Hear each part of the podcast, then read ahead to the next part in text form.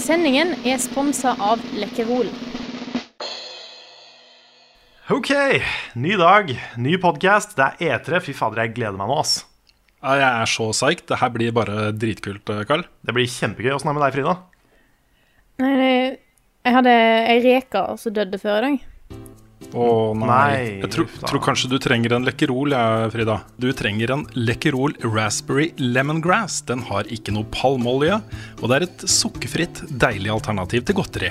Ja, ja, det kan jeg gjøre. Mm. Ja, han døde jo selvfølgelig av glede, for han gleder seg sånn til E3. Det er jo E3 denne helga, det blir så gøy. Det blir, det blir konferanser, det blir spill, det blir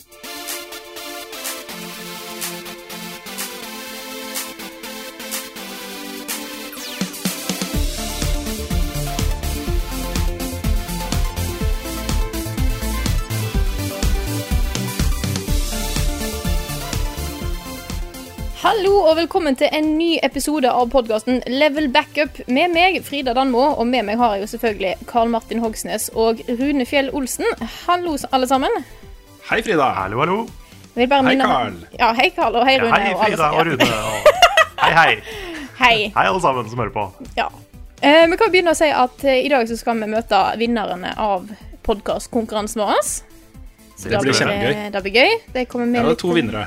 To vinnere. De får vi introdusert litt seinere i podkasten. Så vi kan vel begynne som vi alltid gjør, og snakke om hva vi har spilt i det siste. Ja. Ja. Har du lyst til å begynne, Rune?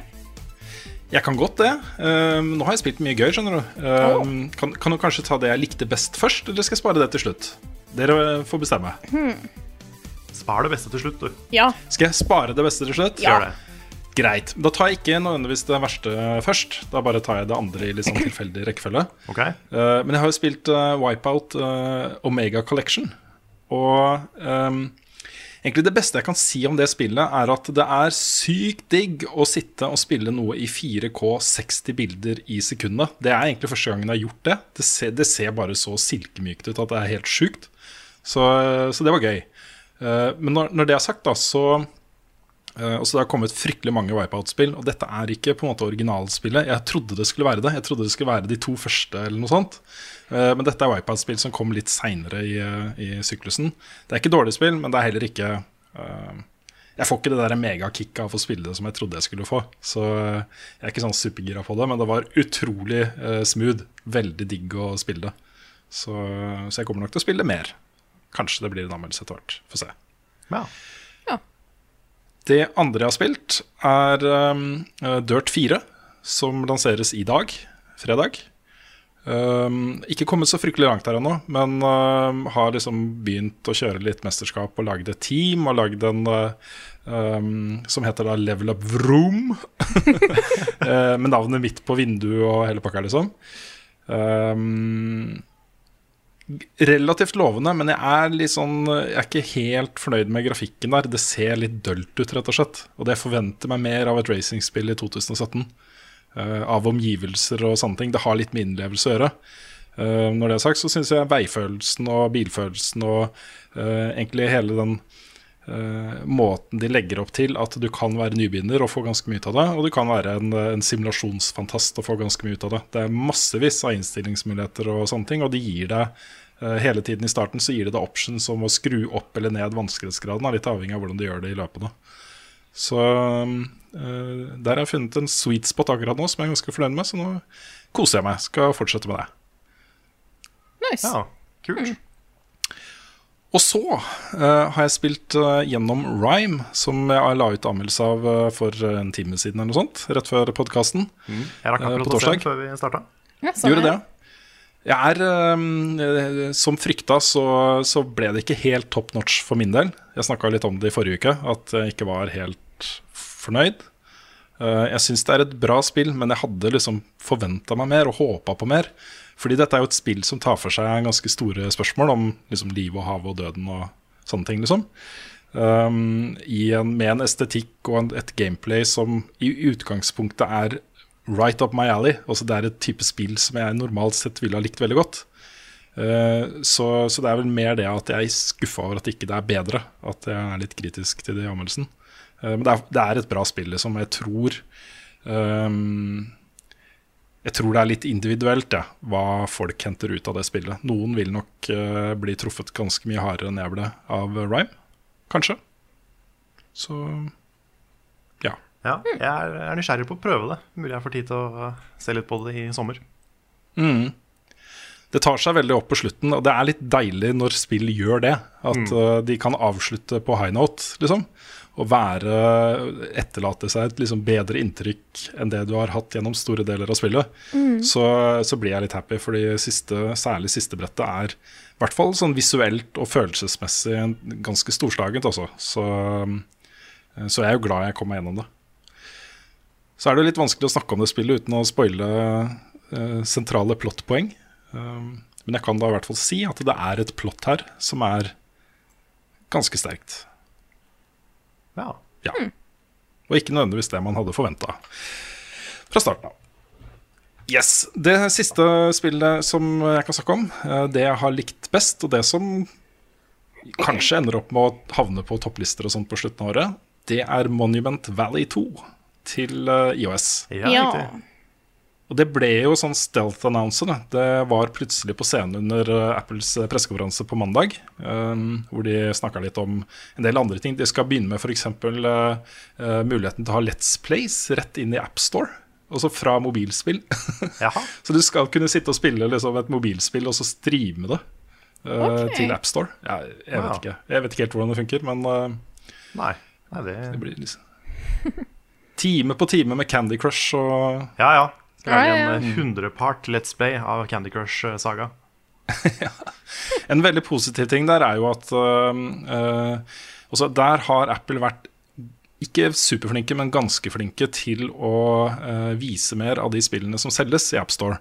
For Før så var det bare noen skjermbilder og en beskrivelse. Nå er det også trailer og video fra spillene som selges. Eh, og hvis du i tillegg får den øh, Let's Play-funksjonen hvor du kan gå inn og se streams fra spillet, eh, sikkert i opptak hvis ikke det går noe live akkurat der og da, så kan du gjøre et mer eh, informert valg da, når du kjøper et spill. Så Sånn sett så er det, er det jo positivt. Men uh, Monument Valley 1 var jo, og er uh, Det er nok sannsynligvis mitt favorittspill på mobil noen gang. Jeg er så glad i det spillet. Uh, og i eh, toeren så eh, får du egentlig mye av de samme tingene. Dette handler jo om eh, eh, Hva heter det Escher han heter? Han som har lagd disse optiske illusjonene? Jeg Og det der ikke. greiene der, ja. Uh, Ja. ja. Det, det ser ut som om det er liksom en vei går, uh, går rett fram, og så skjer det ingenting. Men så er det en optisk illusjon som gjør at okay, men der snur det, og så kan du gå andre veien over en, en, ikke sant? en annen vei som egentlig Ja, og så videre. Det er. Maurits Cornelis Escher. Stemmer. Um, så det er basert på det samme prinsippet, og så kan du da manipulere disse miljøene sånn at du endrer på perspektiver og dermed kommer deg uh, fra til Å. da.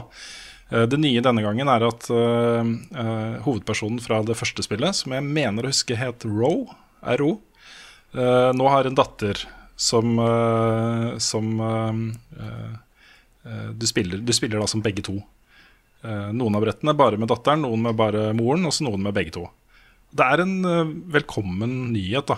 eh, selv om spillet ellers føles ganske likt. Så det er ikke noe Jeg vil ikke si det er en revolusjon i forhold til det første spillet, men jeg har jo spilt alt som kom av DLC og sånt til det spillet. Det kom to eh, utvidelser av det spillet med nye brett. Jeg har spilt alle de, og jeg har spilt alt gjennom, liksom, flere ganger. Um, så, så bare jeg er happy for å få mer. Det er kjempebra. Føler du at en må spille det første for å kunne få mest ut av det andre, eller er det bare puzzles, så da går det greit? Nei, Det går greit. Det er ikke, også storyen er ganske vag. Eh, Det er jo på en måte Ting betyr noe her. Det er ikke bare eh, shapes, for å bruke et uttrykk fra et annet spill vi har spilt i det siste. Um, men, eh, men jeg vil jo anbefale å spille gjennom hele, hele sulamitten. Um, også litt fordi uh, gameplay-konseptene blir kanskje litt bedre forklart og introdusert i det første spillet. Du bruker litt lengre tid på å bli vant til eh, måten å manipulere disse miljøene på og sånne ting. Eh, men sånn generelt sett så er det egentlig mest en sånn visuell, åndelig, eh, deilig opplevelse. Utrolig bra musikk, flotte miljøer, kule puzzles, sånne ting. Også en, en setting da, som, som er litt mystisk og ja. Og så spiller du alt med én finger. Det er kjempebra. Ja, I love it. Stilig, stilig.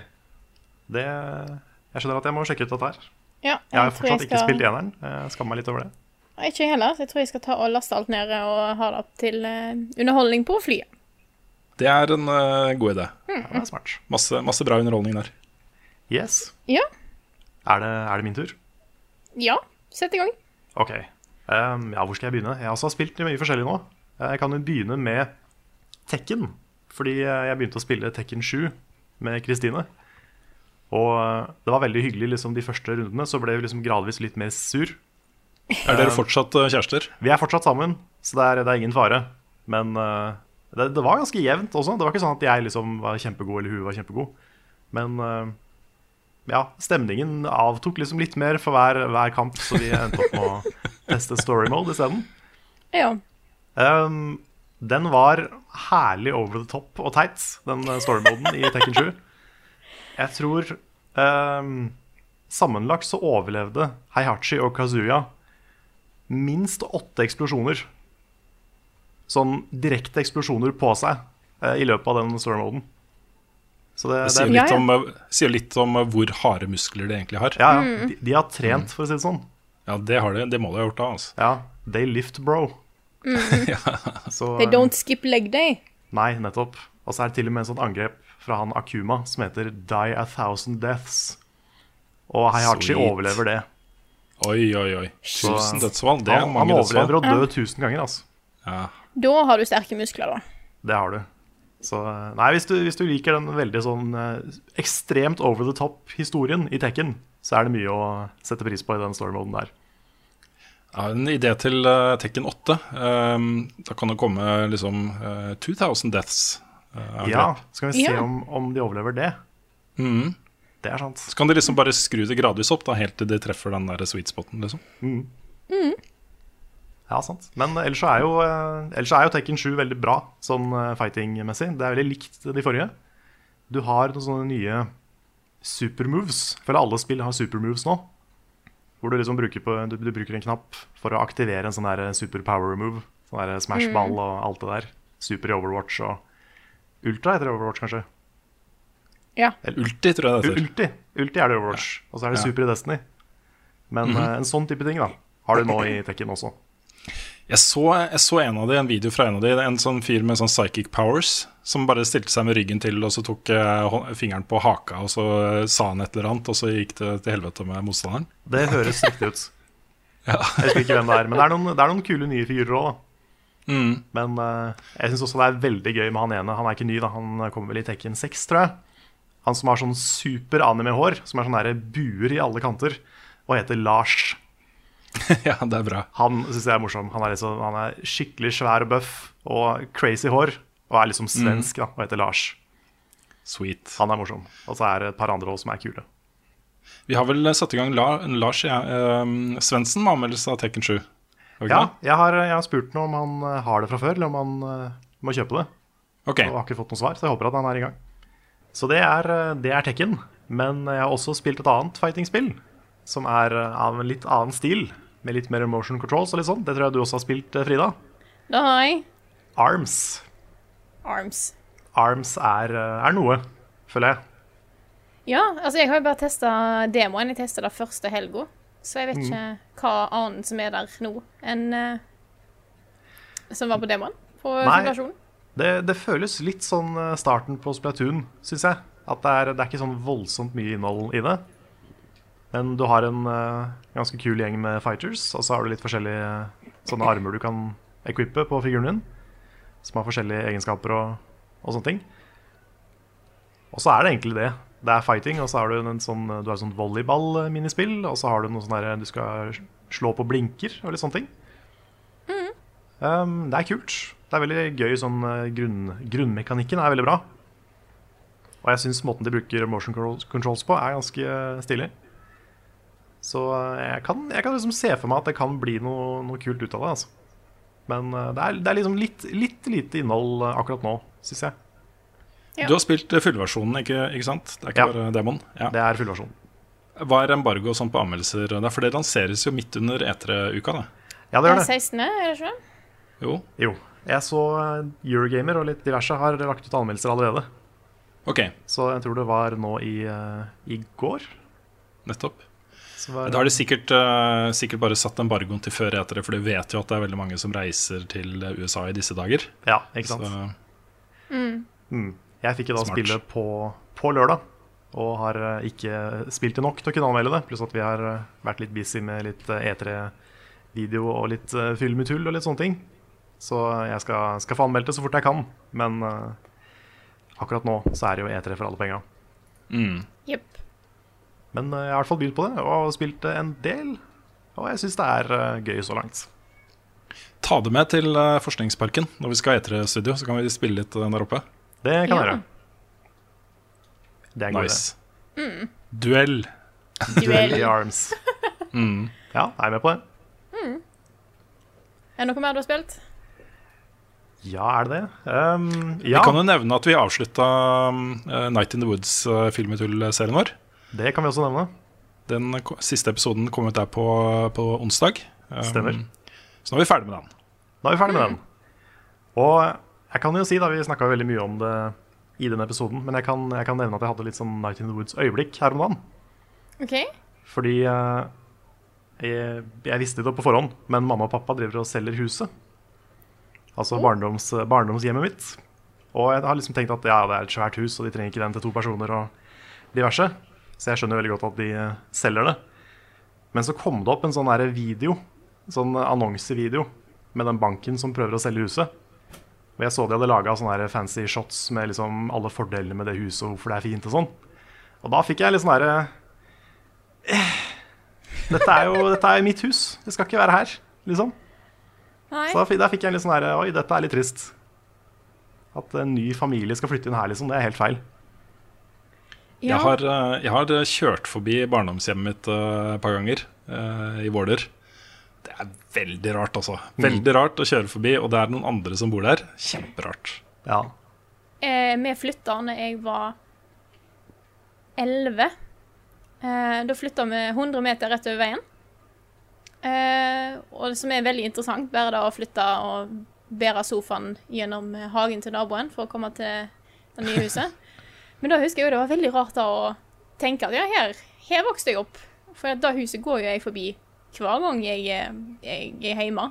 Så jeg har en veldig sånn rar et rart forhold til det, siden jeg ser det så ofte og vet at det er andre som bor der, og vet at ting ser sikkert helt annerledes ut innen uh, det det gjorde når jeg bodde der. Men det er likevel en Shit, her, eh, her har jeg tilbrukt eh, litt mange år. Mm, Rar følelse. det er det. Å liksom se det i en sånn boligannonse. Bare Ja, men hva, hva har skjedd med det? Hvorfor, hvorfor er det ikke vi som bor der? Ja. Det, det er litt rart. Det er eh, jeg, jeg kommer nok over det, men det var, sånn her, det var et øyeblikk hvor det var sånn her Oh shit, it's happening. Men um, en siste ting da, som jeg kan, kan nevne at jeg har spilt, det er eh, slutten på Near Automata. Ja. Jeg er endelig ferdig med det, og det spillet handler om mye. For å, for å si det sånn. Og jeg skjønner veldig godt hvorfor Nick eh, ga det tid. For det, det er et sånt spill som har en veldig sånn tydelig tematikk.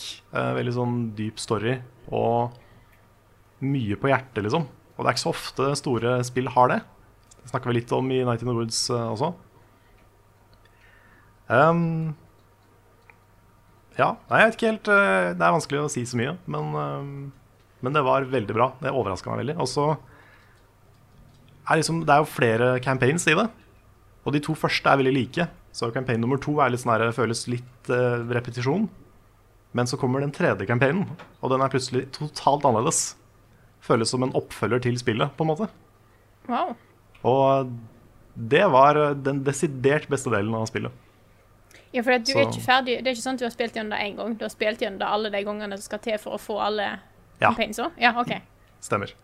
Så eh, ikke, ikke gi opp. Ikke gi deg første gang du, finner, du får rulleteksten, for det, da har du spilt det feil. Du Ja. må definitivt spille gjennom helt til eh, det ikke er mer. Eller du har spilt det rett, du har bare ikke spilt lenge nok. Nettopp. Ja. Du er, du er ikke ferdig. Så det er, det er en veldig rar og veldig kul måte å designe et spill på. da. Med at du får liksom rulleteksten egentlig fem ganger. Fem? Fem ganger. Fem ganger, ja ja. For eh, tredje playthrough har liksom tre forskjellige endings. OK. Så nei, det er, det er mye der. Det, er veldig, det kunne vært en, en lang podkast om bare det spillet. Men eh, jeg skal, jeg skal unngå å spoile noe nå. Jeg skal få spilt det, jeg også. Jeg har det liggende her. Så Ja, Nei, jeg må få spilt det, jeg òg. Det, er, eh, det er verdt å se på i år, altså. Men nå kan jeg ta og snakke litt om hva jeg har spilt. Jeg har spilt, eh, jeg, jeg har spilt en del, eh, så jeg er redd jeg glemmer noe. Men det viktigste sånn jeg har spilt Jeg har fortsatt eh, å surre litt rundt i Don't Starve, for da har jeg plutselig fått sansen for nok en gang. Um, og så har jeg de siste dagene uh, blitt uh, forbanna og kommet meg videre i Bloodborne. Ja, det hørte jeg. Ja, fordi jeg har jo uh, sakte, men sikkert så jobber jeg gjennom dette spillet her. Og nå var eh, Petter ble endelig ferdig med Bloodborne, tror jeg. Eller på en måte nesten snart. Nei. Eh, litt igjen, tydeligvis. Eh, men eh, han har eh, tatt en liten pause, så da har jeg fått PlayStation min tilbake. Og tenkte at dette var noe greit å sette i gang med igjen, for jeg har hatt en pause siden påske. Og da å ta en pause etter liksom kommet litt inn i kampsystemet, og så ta pause et par måneder, er jo ikke en god idé i det hele tatt. Nei, det funker dårlig. Nei, jeg fikk skikkelig dårlig, spesielt rett før fighten med vikar Amelia. Da, eh, da tok litt tid å få tatt henne, mest fordi at jeg måtte komme meg inn igjen i alt på nytt igjen. Men jeg har tatt, eh, jeg har tatt vikar Amelia. Jeg tok Er det Witches of Hemwick? Ja. Ja, det har jeg tatt. Og så tok jeg Dark Beast Parl under streamen i går. Så det kommer seg. Ja, jeg syns hvis du har tatt Dark Beast Parl før Forbidden Woods, så er det ganske bra. Ja. Men jeg, er det ikke noe med at når du tar uh, rom, så, slutt, som forsvinner den byen? Um, den forsvinner ikke, men den blir annerledes. Han blir annerledes, OK. Så du kan, du kan vel fortsatt ta bossen, men uh, resten av Ah, området okay. blir annerledes. Ja, for jeg var redd av bossen, så derfor tok jeg den nå. Aha. Eh, Nei, men da, da, har eh, du, da har du gjort noe bra. Da vet jeg da. Da har jeg vært flink. Følte meg ikke så flink når jeg dør hele tida, men uh, That's da- the game. ja, det er jo det. Mm.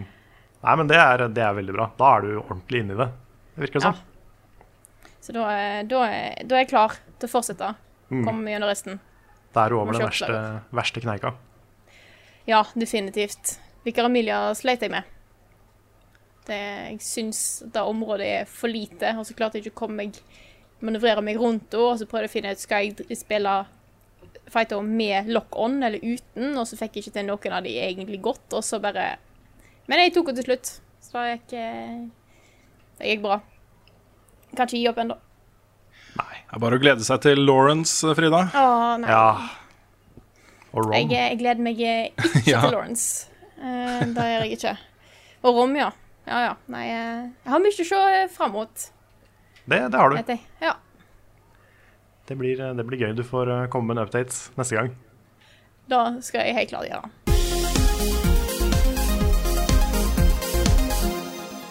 Da har vi kommet til ukens anbefaling. Og i dag er det Carl som skal fortelle oss om noe kult. Det er det. Jeg eh, tenkte en del eh, på det, og jeg må være litt sånn tradisjonell og velge en TV-serie i, eh, i dag også. Det er en TV-serie som går på HBO, som heter The Night Of. Og Åh, den er så bra. Ja, du har sett den? Yes. Den er dritbra. Den er helt konge.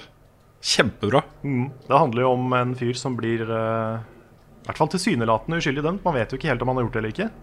Ja, anklaget. Han blir sikta for, eh, for Ja, drap. ja, Dømt er feil å si, men han blir sikta. Nå er det helikopter ut forbi her. Jeg beklager hvis det er veldig mye lyd her nå, men det er bare den, den skulle over huset mitt, den. Ja. Det er Ja. bare, det er bare sjarmerende det med litt bakgrunnsstøy. Det er, her fra meg så hører du barnehage, barnehagen rett ved siden av. Så Så det er ikke, vi er ikke liksom hjemsøkt av sånn creepy barnelatter. nei. Okay, nei. Nei, okay. Det er ikke headsetet ditt eller hodet ditt det er noe feil med, du som hører på. Det er eh, faktisk en barnehage rett ved siden av der jeg bor. Åh, nå ble jeg letta. Nei, men sorry at jeg avbryter deg, Carl. Nei, det går bra. Um, nei, han blir jo da uskyldig sikta og satt i fengsel over ganske lang tid. Fordi det handler jo veldig om, eh, om fengselssystemet i USA, dette her. En veldig sånn uh, mørk, uh, dyster serie, som veldig mange serier er nå. Og um, ja, hovedpersonen er veldig, veldig interessant. Uh, Det er et par sånn detektiver og en forsvarer som er veldig bra, bra characters. Og i det hele tatt en veldig spennende serie. Litt sånn krim, litt samfunnskritisk og litt sånn blanding av, av ting, egentlig. Jeg er, så, jeg er så glad i måten den forteller historien på, fordi den, den tar ikke side. Altså eh, I regien og klippen og filminga så tar den ikke side i saken. Den bare forteller hele tiden, veldig sånn beskrivende. eh, sånn til stede, sånn flue på veggen-type eh, narrativ. da Eh, og du blir jo hele tiden så lurer du på har han gjort det, har han ikke gjort det. Altså Er han uskyldig, er han ikke uskyldig? Men det tas aldri noen side. Det er ikke noe sånn, eh, sånn overdramatisering av vendinger i historien og sånne ting. Det bare skjer. Jeg er så glad i den måten å lage ting på. Altså. Ja, ja det, er en, det er en utforsking av hva som skjer med en person når de blir sikta for, eh, for noe alvorlig. Mm. Hva som skjer med menneskene rundt, foreldrene, familien. eh, hva som skjer i fengsel.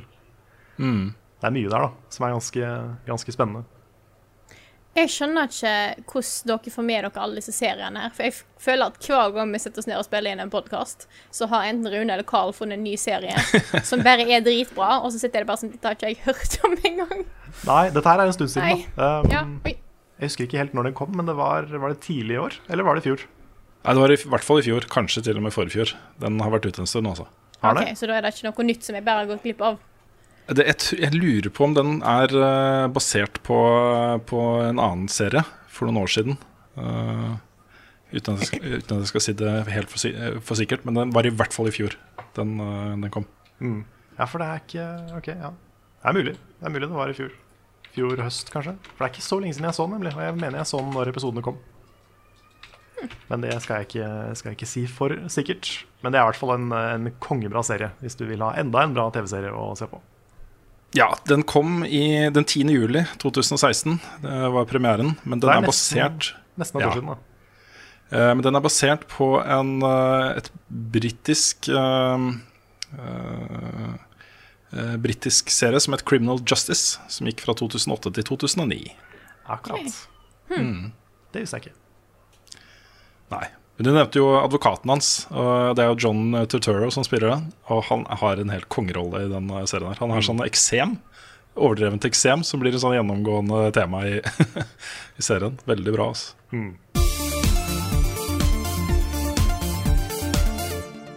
Da er det tid for ukens nyheter. Og hva er det du har fått med deg denne gangen her, Rune? Nei, Først uh, må jeg starte med noe som, eh, som uh, lytterne våre kommer til å bli ganske lei av fram til uh, midten av august. Men jeg vil gjerne gjenta og fortelle på nytt at vi skal ha et liveshow i Kilden i Kristiansand den 19. august. Billettene til jeg har lagt ut nå, det blir duell, det blir Let's Play, det blir dybdeintervju med D-pad og Krillbite. Uh, ja, det, det blir gøy, rett og slett. Podkasten skal vi spille inn der, um, osv. Det blir en kjempebra kveld. Eh, og vi håper at så mange som mulig av dere kommer for å se på og høre på der. What he said. What I said, ja. Yes. Greit. Og så kan vi begynne med litt sånn ferieplanlegging. Fordi eh, hvis du eh, planlegger eh, en Japan-tur, så eh, kan det være lurt å vente til eh, 2020. Nå skjer det et par ting i Japan som er så utrolig kult for oss. Eh, I 2020 så er det jo eh, OL i Japan. Eh, og i den forbindelse så driver hele landet nå og ruster opp ikke sant, og lager ting som, uh, som kan være med å selge landet sitt og sånne ting. Og to av de tingene, den ene er Super Nintendo World, som Universal lager i uh, Tokyo. Oi. Det er jo et theme park basert på Super Mario. Eh, de første bildene fra construction-arbeidet har begynt å komme nå. Um, det, ser kjempe, det ser kjempegøy ut. Det blir liksom Mario Kart, og det blir liksom masse gøy, da. det blir det blir, det blir jo sånn valfartssted for sånne som oss, ikke sant? Ja. Det er nesten rart at ikke det, at ikke det fins en Nintendo fornøyelsespark allerede. Mm. I agree. Eh, hvorfor heter og- det ikke Nintendo Land? Ja, hvorfor gjør det ikke det? ja, men, er- jo heter, det heter ikke Nintendo Land Heter ikke det Nintendo World i Japan, eller? Uh, Jeg vet ikke. I don't know. Jeg, Jeg husker ikke. Det er noe der. Men uansett, da, eh, så er ikke det kanskje den aller kuleste nyheten for sånne som oss heller. Fordi det kommer en annen theme park basert på Totoro, som også skal åpne til eh, 2020. Oi. Så blir det en Wow. hel theme park basert på, eh, på Totoro. Ghibli som lager det, da. Ha. Det her blir gøy, altså. Ja, jeg kjenner kult. at det blir sånn derre Åh, jeg gleder meg sånn. Men jeg husker jo, jeg husker jo at uh, da de kunngjorde at Japan skulle være host for OL, Mm. det gjorde de jo med Mario. Ja da, det stemmer, det. Det var veldig stilig. Når han uh, Husker ikke hvem det var. Var det statsministeren? Det var presi statsministeren Statsministeren jeg har vel ja, Er det statsminister eller president? Jeg tror jeg er statsminister. Ja, jeg har ikke oversikt over det. Men, Ja, det er statsminister. Ja, ok. Det var han i hvert fall som dukka opp i Mario-kostyme på scenen. Mm. Det var kjempekult. Han var en statsminister, rett og slett. Han var en statsminister. En super statsminister. Nei, det her blir gøy. Også. Jeg tror det, det blir jo sikkert et helvete å være i Japan under OL, men det kan jo komme litt etterpå. Ja. Og få med deg alle de nye kule tingene de har lagd og sånne ting. Så jeg har hørt at hvis du er, hvis du er hardcore Pokémon Go-spiller, så er det ingen steder som er bedre for Pokémon Go enn Japan. Jeg får se hvor uh, godt de lever uh, det spillet lever da, innen 2020. Ja. Hvis det bare er du som spiller, så kan du liksom bare gå rundt alle Pokestopsa. og Så Mm. Ta alle gymmene og ja, ja. Du kan eie hele Japan. God idé. Greit, jeg går litt videre. ja. Ehm, det har litt overraskende for meg i hvert fall blitt annonsa DLC til Little Nightmares. Ja, så sa jeg en sånn tredels ja. delelse. Ja, dette er da tre forskjellige episoder som eh, blir lansert i juli, november og januar. Som forteller da mikro, eller minihistorier eh, parallelt med det spillet som er ute. da Så det er samme tidslinja, liksom, men det foregår da eh, på litt andre steder i dem òg.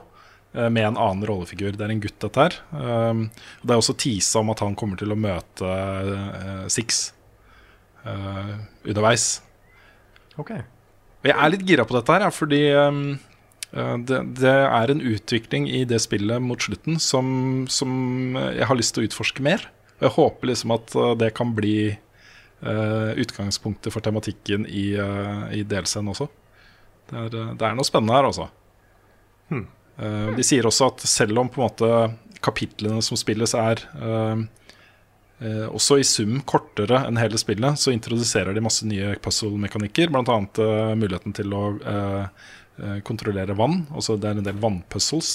Eh, så utviklerne mener at det kommer til å ta litt tid å spille, spille dette her allikevel. Da. Men jeg er intrigued. Ja. Koster Spennende. rundt en hundrelapp. Ikke en type spill som vanligvis får masse DLC. Nei, ikke sant? Nei, Helt sant. Jeg liker dette her også. Um, og så er det jo mange av oss som går rundt og fortsatt lurer på om kanskje det skjer noe nytt fra Valve som ikke er eh, businessorientert eller eh, Moba eller, eh, eller sånne ting. Eh, og det begynner å se mindre og mindre ut som om det noen gang kommer til å skje. Ehm, nå har nok en av, eh, av eh, Valves eh, kjente eh, store eh, Hva heter det? Eh, writers. Altså hvilket ord bruker man på norsk der? Manusforfattere. Man, manusforfattere? Ja, det kan man kanskje bruke. Eh, Jay Pinkerton har nå slutta i Valve. Eh, I februar så slutta eh, partneren hans, eh, Eric Wolpaw. De to har jobba mye sammen med narrative spill i Valve. Um, for en måned siden så slutta Chet Felishnek eh, også. Og han har eh, bl.a. skrevet mye på Portal og Half-Life 2-episodene. Eh, og i fjor så slutta Mark Laidlaw, eh, som eh, var manusforfatteren for det originale Half-Life og Dota 2. Det er liksom alle de kanonene de har, da som er gode til å lage interaktive historier, er borte. Og det lover jo ikke godt. Nei, altså da, jeg tenker også da, at Valve har jo ikke gitt ut noen sånne spill på veldig lenge. Hva er det alle disse folka har Altså, jeg tenker på hva har de drevet med i Valve fram til nå? Jeg skjønner jo at de kanskje vil ut og faktisk gjøre noe spillrelatert, på en måte. Kanskje. Så Valve fungerer jo litt rart, fordi de har ikke noen eh, fast eh, struktur. Eh, du kan egentlig joine hvilket team du vil. Så hvis det sitter liksom ti teams og jobber med forskjellige ting, så kan du bare jobbe på ett av de en stund, og så nei, det likte du ikke, så kan du gå og joine et annet team osv. Så, videre. Eh, så de har en veldig sånn rar struktur. Og det er jo relativt åpenbart at disse fire manusforfatterne ikke har hatt så mye å gjøre Uh, i dette selskapet. I hvert fall ikke ting som de føler er verdifulle nok uh, til at de har lyst til å fortsette. Eh, og det sier jo alt om egentlig hva som foregår internt i Valve. Hva slags spill de, som er under utvi utvikling, ikke sant? Så um, Kim Swift har også slutta. Hun eh, har jo også vært involvert Hun jobbet, jobbet vel ikke i Valve, gjorde hun det? Nå husker jeg ikke. farta. Hun var vel involvert i Portal-spillene, hvis ikke jeg husker feil. Hmm. Jeg må google det også, så ikke jeg sier noe rart her. Ja. Hvis du fortsetter å snakke, så kan jeg ta og google den. Hvis du sier hva navnet hennes var. Eh, ja, det stemmer det. Hun er uh, Kim Swift. Uh, uh, er best kjent for Valve-jobbene, og det er Portal og Left for Dead som hun eh, var eh, involvert i.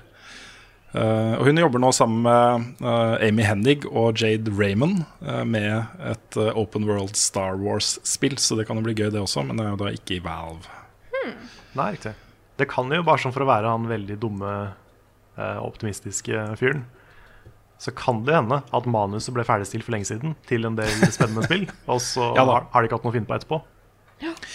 Men også en manusforfatter på spill. Jobben deres er jo ikke over når de har lagd et manus. Uh, Nei da, men at uh, etter hvert så handler det veldig mye om finpuss. Ja da, det gjør det.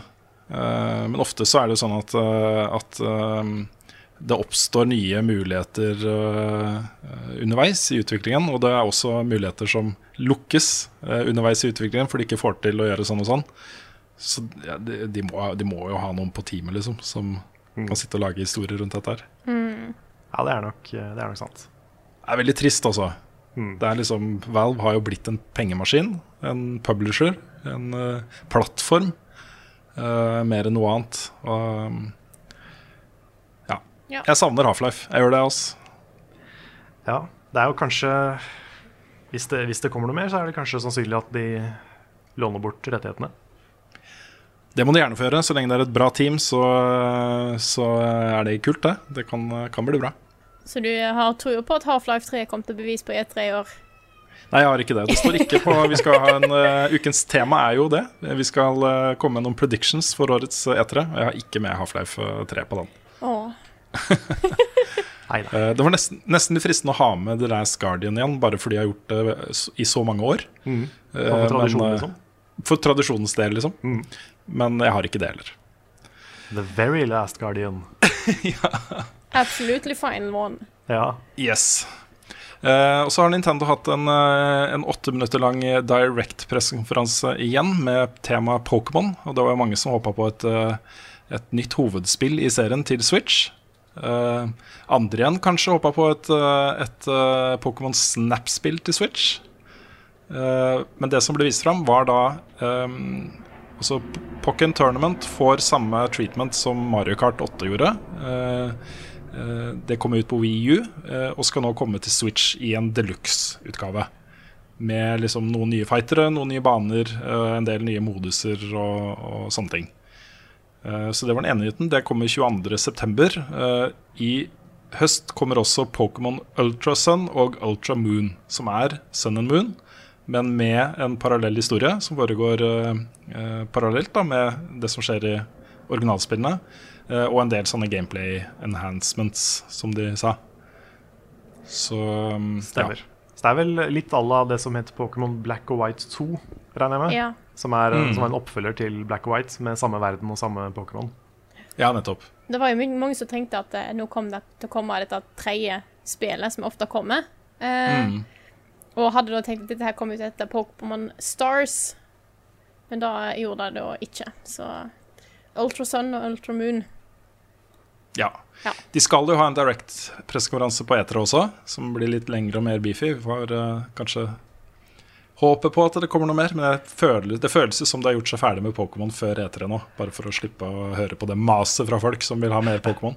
Ja, det tror jeg Ja. Jeg tror nå har de liksom De har tatt av sånn at de har snakket om alt med Pokémon, og så kan de fokusere på andre ting på E3.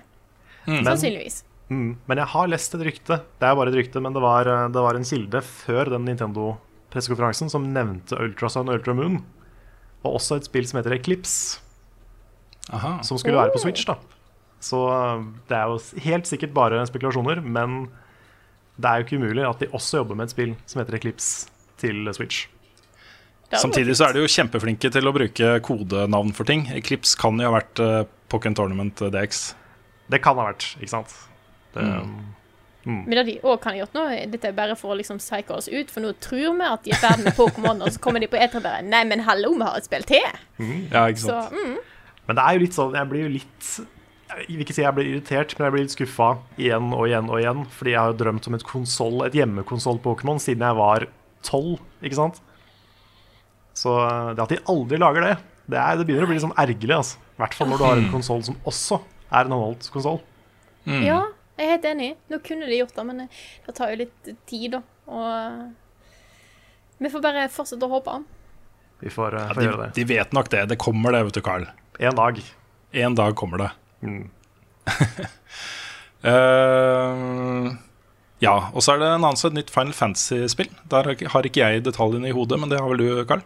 Det har jeg. Det heter eh, Dissidia Final Fantasy NT, mener jeg det heter. Eh, Og det er en okay. oppfølger til eh, de to Dissidia-spillene på PSP, som er en sånn fighting-serie med Final Fantasy-figurer. da, Så er det en sånn rar spin-off hvor alle hovedpersonene fra Final Fantasy samles i et fighting-spill. Og originalspillene på PSP var veldig bra, egentlig. De hadde et sånn veldig spesielt, men ganske kult kampsystem. Veldig flashy og veldig over the top, sånn som Final Fantasy ofte er. Eh, Men dette her kommer da på PS4, så det blir jo det første eh, store main konsoll-spillet i den serien. Så det, blir, eh, det kan bli kult. De slapp en trailer. Den traileren er skikkelig dårlig, fordi den, den viser liksom Den viser for så vidt noe gameplay, men det er så mye interface. Det er så mye GUI på den skjermen at du blir helt sånn, jeg blir helt sånn svett. Det er jo helt feil måte å designe en interface på. Det er så mye menyer og så mye greier på skjermen at eh, du druk eh, hovedbildet drukner jo nesten. Så det håper jeg de, de faktisk fikser før lansering, for det så ikke bra ut. Kanskje du må slåss litt mot eh, GUI også? Ja, kanskje det. Kanskje det er siste, kanskje det er siste boss. Kanskje det? Så nei, jeg håper de, jeg håper de krymper interfacen, for det var altfor mye. Men utenom det så ser det kult ut. Jeg er, jeg er veldig klar for et nytt eh, Da skal vi snakke litt om ukens tema, som nok en gang er E3. Men eh, det er jo viktig å få snakke litt om eh, hva, vi, hva vi tror kommer til å skje. Ja, det starter på lørdag. Første pressekonferansen er på lørdag. eh, Og det er jo sånn at etere eser utover denne veien, også mot oss. Eh, Før, før så var liksom alt starta på mandag. De første pressekonferansene var på mandag. Og så var det noen som begynte å ha pressekonferansen på søndag. Og i år så er det da første året som, eh, som noen har valgt å ha en pressekonferanse på lørdag. eh, Og det er EA sin. Og det er jo for å komme litt i forkjøpet. eh, Få litt eh, eh, litt blest alene, uten å på en måte måtte konkurrere mot alle de andre. At de sprer det ut på den måten. Um, så for vår del så starter også årets eterdekning på lørdag. Klokka var det ikke 21, det er 20.30 vi starter? Ja. Ja, På kvelden? Vi, vi starter Ja. videre. Ja, da går det live, og du har lagd en helt fantastisk eh, fin video også, Carl, som ligger ute på både YouTube-kanalen vår og Facebook, eh, med litt informasjon om tider og pennelek og, eh, Den er så og sånt. Takk for Det det. Um, nei, det er, vi, vi måtte jo ha et system for å bestemme det aller viktigste på hele E3. Det er hvem som vinner. Mm. Så penneleken er da Penneleken 0,2. Birth by Sleep, um, ja, Fragmentary, Fragmentary Passage, Passage. Final Chapter Prologue er, uh, er vårt svar på, på det. Ja. Nei, det blir, eh, det blir spennende. Og jeg ble enda mer hypa av å se den videoen. Så, så hypenivået mitt er ganske høyt nå, altså. Wow. Ja, det er bra. Det er sånn det skal være. Jeg, jeg, tror, jeg tror dette her kommer til å bli et bra år. Jeg har på følelsen av at vi kommer til å se mye kule spill. Eh, og jeg tror også EA kommer til å ha en fet pressekonferanse på lørdag, så jeg tror eh, det blir en bra start på det. Så, mm, så det blir gøy. Det blir sene kvelder og netter eh, på oss, dette her, men eh, det er det så verdt, altså. Absolutt. Hvorfor må Betesta være klokka seks om morgenen? Ja, hva Det er det de er jo ikke greit. Nei, Det er på en måte både for tidlig og for seint, liksom. Og så Ja. Hadde det vært klokka tre, sånn som Sony sin er, natt til tirsdag, så hadde det vært greit. For da kunne man se Betesta og så legge seg og likevel få liksom noen timers søvn på riktig side av døgnet, liksom. Men nå blir det sånn, enten så må du legge deg og sove i tre timer og så stå opp, eller så må du holde deg oppe ukristelig lenge, liksom. Det, er, eh, det blir tøft, altså. Det blir, det blir ei interessant langhelg. Ja, jeg, Mm. håper de, jeg håper de får noen litt sånn uh, ampre mailer fra Skandinavia. Ja, Dette er jo en amerikansk bransjemesse, da, så eh, eh, de må jo få lov til å Ja, ja, Ha det på et tidspunkt eh, som passer men, for dem. Men nå er, nå er E3 worldwide. Ja, det er jo det. Så nå må de, nå må de lære. Mm. Skal vi ta noen eh, Vi har jo forberedt hver vår topp fem-liste. To- eh, Liksom fem predictions for E3. Jeg vet ikke om de er rangert i noen spesiell rekkefølge, men eh, Nei. Nei, Jeg har bare fem i tilfeldig rekkefølge. jeg ja. har, det- hvem har lyst til å begynne? Nei, men si det. Da kan jeg si at Carl kan få lov til å begynne. Ok, Det er bra. Skal jeg ta én, eller skal jeg ta alle fem? Og Ta alle fem, du. Ja, OK, greit. Okay, Ja, ja. um, Ja. Eller kanskje vi skal ta liksom rotere? Skal vi gjøre det? Da vi kan vi en, en hver, og så Ja. Ja, Kan godt det. det kan vi gjøre. Okay. Da kan jeg begynne med en eh, Ubisoft prediction. Og det er at eh, Ubisoft-sjefen, han eh, Hva heter han igjen? Yves Guimot. Yves Guimot. Han kommer til å komme på scenen. Og på et eller annet tidspunkt så kommer han til å være veldig søt. Det er min første prediction. Fordi han, han sier alltid noe som er så litt sånn derre ah. Sånn som eh, Tror det var i fjor, så kom han på scenen og har liksom verdens litt sånn der Han har ve veldig sånn eh, søt, veldig forsiktig, litt sånn sjenert blikk. Og smiler litt inn i kamera og sier sånn I love games. Og så, og så følger han opp med But I also love a lot the people who make those games. Og han er så veldig søt. Så jeg, har en prediction om at det kommer til å skje igjen. Han kommer til å si et eller annet som er litt sånn litt koselig. Jeg vil gjerne følge, følge opp jeg, som nummer to her, fordi jeg har også Ubisoft på min første prediction. Ja. Um, det, er, det blir en utrolig spennende pressekonferanse, fordi um, uh, Alicia Taylor, Tyler er ute, visstnok. Uh, Ryktene sier at hun ikke uh, er host for dette, denne pressekonferansen lenger. Og det er, Hun har hatt en sånn utrolig kul story arc i E3-sammenheng. Fordi Første gangen hun var host for, E- for Ubisoft på E3, så var det jo helt jævlig. Uh, og så ble det gradvis liksom en del av greia, liksom. Det å se henne på scenen uh, presentere Ubisoft-ting, var liksom noe man gledet seg til og forventa, og sånt, og så ble det på en måte bra da, allikevel, selv om det var rart. ikke sant? Så, så det at hun er ute, gjør at jeg forutser at Ubisoft blir rarere uh, enn på lenge. Det å på en måte gjøre noe nytt på etere med det utgangspunktet de har. Jeg gleder meg stort, altså. Det kan bli kjempegøy. Åh, jeg, håper, jeg håper du har rett. Ja, det, er, det er nesten jeg håper på liksom Mr. Caffeine-nivå. Ja, ikke sant?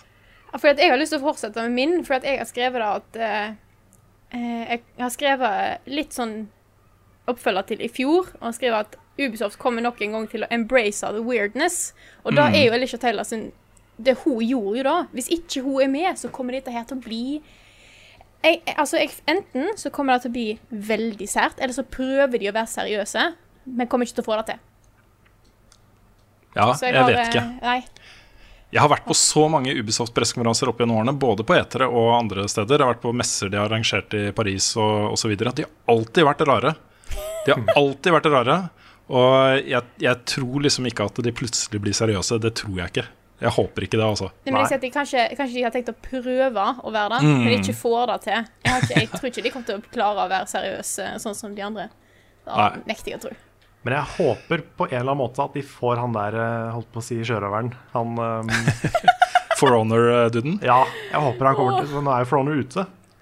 Men Mm. jeg håper han kommer på scenen. Ass. Om det kanskje er noe delelse eller noe, bare for å høre han prate om det spillet. Mm. For det er ingenting som er mer karismatisk enn den mannen. Han er en veldig bra mann. Mm. Det er også et annet tilleggsmoment som gjør at Ubisoft øh, er spennende i år. Og det er jo at Vivendi driver jo med sånn hostile takeover av det selskapet om dagen. De kjøper så mange aksjer de øh, får tak i. Mm. Det kan jo hende at vi får vite litt mer om, om det der. Jeg så Jostein Hakestad på Twitter Eh, spådde jo da at eh, Ubisofts pressekonferanse kommer til å starte med at sjefen i Vivendi kommer på scenen. Oi. så, Såpass, ja. så vi får se. Har du neste gang? Ja. Ehm, dette er en Microsoft prediction. Jeg har, eh, jeg har ikke så mange sånne konkrete spill-predictions, fordi eh, det er så, det er så lett å liksom sette seg opp for skuffelse hvis man kommer med masse sånne Bloodborne 2, ikke sant? Men uh, dette her er en prediction om at Microsoft kommer til å bruke ordet 'exclusive' over 15 ganger. Over 15. Vet du hva, Det må vi ha en counter på når vi kjører, Ja. uh, kjører Ja. live.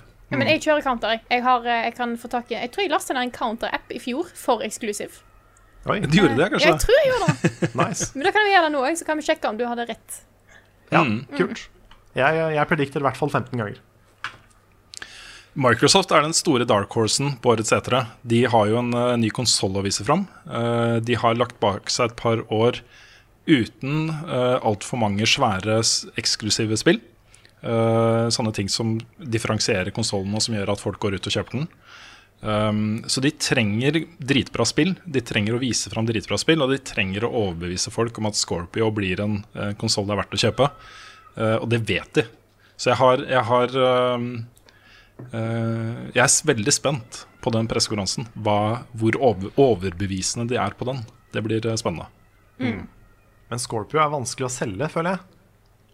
Altså Det er, det er veldig greit for de som er uh, hypa på mest mulig kraft i konsollene sine, liksom. Ja, for da er min, min, eh, min prediction for Microsoft er at de kommer til å nevne ordet teraflops Ja. eh, ganske mange ganger. For da gjorde de i traileren eh, til Scorpio, og ingen av oss egentlig hadde noe som helst formening om hva det betydde. Men teraflops kommer til å dukke opp på E3 i år òg. Mm. Ja, det er et naturlig Alle de som lager sånne buzzword-bingos før etter det, de bør ha med teraflops. Det burde de.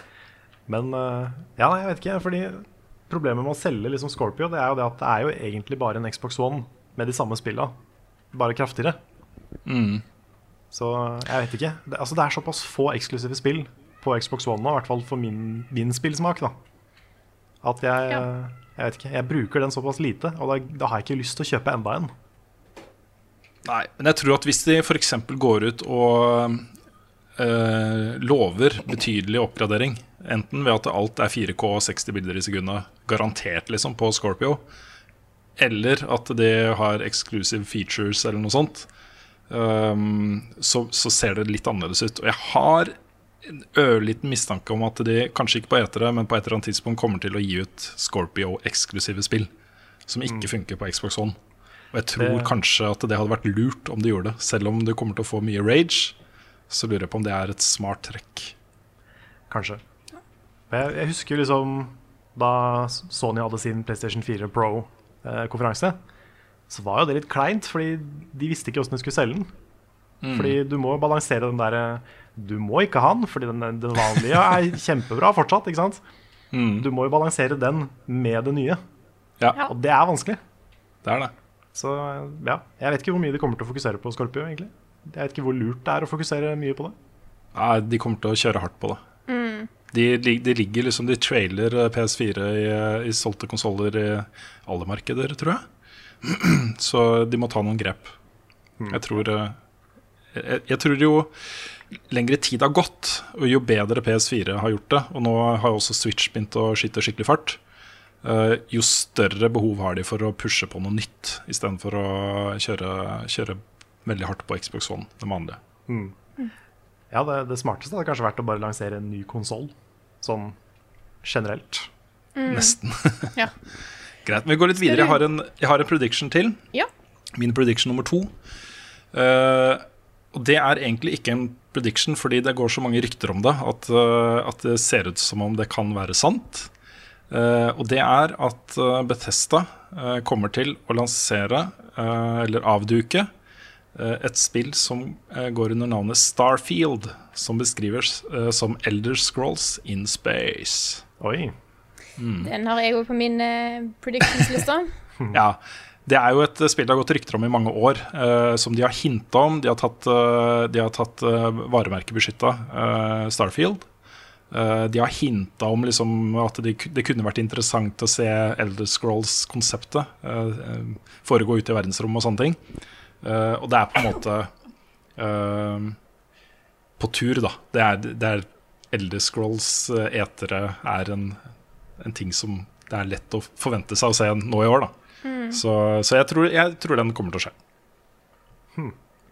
Det går jo apropos også rykter om Wolfenstein, The New Colossus. Mm. Ja, og et nytt Evil Within. Riktig. Mm. Spennende, spennende. Oi, der mista jeg telefonen min. Det gikk bra. Jeg er fortsatt ikke medlem av Knust skjerm iPhone-klubben. Nei, det er jeg. Du er det? Ja da, jeg måtte ut og kjøpe meg en ny telefon. Hvis jeg måtte ikke, da. Jeg kunne jo bruke hva er det, 1500 kroner på å reparere skjermen, liksom. Men, Ja, men, altså Halve Norge går rundt med knuste iPhone-skjermer. ja, men det her var så knu, den er så knust at uh, jeg kan vise dere At ikke det var mulig å Såpass, ja. se Ja, okay. toppen av skjermen. Nei, den, Den er ganske. For dere som hører på, så er den ganske knust. Det er, den, er, den er dårlig stelt. Tar du neste, Carl? Det kan jeg gjøre. Um, min neste prediction den går til eh, Sony. Og den er at halvparten av spillene Sony viser, vil ikke ha eller ha en lite troverdig lanseringsdato. Halvparten, ja. 50% Ja, Jeg har en veldig lik en. Eh, og skriver da at Sony kommer til å ha en pressekonferanse full av ting som ikke kommer ut på flere år. Men de gjør det så storslått at vi kommer til å glemme, eh, glemme at det er litt dumt. ja. Din er kanskje enda tydeligere. Ja, men din er jo konkretisert, Carl. Halvparten. Ja. Må vi begynne å telle spill, da, så må vi eh, Ja, det må vi. Shit. Det må vi. Ja. legge ting liksom i Fordi hvis, hvis de viser Final Fantasy 7-remaken, den kommer ikke til å komme ut neste år. Og samme med Kingdom Hearts 3 kommer sannsynligvis ikke. Uh, altså, hvis det står en konkret dato i 2018, så kanskje. Mm. Men, uh, men det er mange spill der som garantert ikke kommer ut på en stund. Ja, Det høres jo ut uh, som om Square Enix har begynt litt på nytt med Final Fantasy 7. De har jo flytta utviklingen inhouse igjen. Den Mm. var jo satt ut. Nå, er det, nå gjør de det internt. Stemmer. Har du en prediction, Rune? Jeg kan jo ta min PS4 prediction, jeg også, siden, eh, siden dere har snakka om det. Det her er eh, crazy. Jeg har snakka om det før. Det er crazy. Men eh, jeg, tror, jeg tror det er uh, innenfor sannsynlighetens rekkevidde. Okay. Uh, og det er at de avduker PS4 Go eller noe sånt. Altså en, en bærbar PlayStation 4 som uh, inspirert av Switch uh, 6 Ja, riktig. Det er basert på to ting. Det ene er at, øh, at um, jeg tror de syns det hadde vært en kul gadget å lansere. Også det å uh, nedskalere da, PS4-spill til 720P for å kunne ha den i en, en tablet-lignende greie liksom, som du tar med deg, um, er på en måte liksom en evolusjon av Vita og PSP. En, en sånn ny måte å spille på som, uh, som jeg tror de syns er kul. da Um, og det andre er at de i nylige intervjuer har vært litt vage når folk har spurt dem hva som skjer med fremtiden til håndholdte spillemaskiner fra Sony. Um, de har vært klare på at ikke de har vært flinke nok med Vita og sånne ting. Men Men de har ikke kategorisk benekta at de uh, tenker på håndholdt fortsatt. Så uh, jeg får jeg, Ja. Hvis de annonser det, så blir jeg ikke overraska i det hele tatt. Men det er veldig far-fetched også. Jeg har ikke sett denne prediction andre steder. Det er bare tatt rett ut av min egen rumpe. Ja, men det er jo det, er det som er de spennende predictionsa. Mm. Ikke nødvendigvis at de kommer fra rumpa, men at de kommer fra liksom egen, ja. e egne tanker. Og hvis det da skjer, så kan vi si at Rune var først. Ikke sant? Oh yeah! Da kan vi si at vi forstår spillbransjen. Jeg ble invitert til alle de store konferansene som, eh, som top notch analytiker og sånne ting. Ja, Betalt tært hundretusenvis av dollars for å spå fremtiden. ja, ja sånn som han er eh, i eh, gamle game trailers, han Michael Pachter. Mm. Du kan bli vår pack attack. ja, kjempebra. Greit, flere predictions, folkens. Yes. Skal jeg, eh, skal jeg begynne denne runden? Det er med Gjør det. På nummer fire. Uh, jeg har en om Nintendo. Uh, jeg har en Det går jo litt rykte om det, og det er jo litt snakk om det, at Nintendo skal vise fram uh, Metroid-spill. Både 2D og 3D. Så min prediction er at de kommer til å vise, at de kommer til å vise fram et Metroid-spill som ikke er en eller annen spin-off-greie, som Metroid Federation Force og sånne ting. Sånn at r slash Metroid på Reddit endelig kan bli glad etter et E3-show, for da har det ikke blitt på veldig mange år. Det er sant. Ja. Jeg har den samme. På min liste så står det bare Metroid Mania. oh, Ja. nice. Um, jeg kan jo ta min eh, Nintendo prediction også. Det er at de annonserer minst to ting som nesten er det vi vil ha. Det, det var, som, det var faktisk da jeg holdt på å skrive på min Nintendo-liste. Ja. Og da tenker jeg på sånn eh, Pokémon Ultra Sun og Ultra Moon til 3DS, ikke sant? Eh, eller Metroid Kart, for eksempel. At eh, det er sånne ting som er sånn herre Å, nei.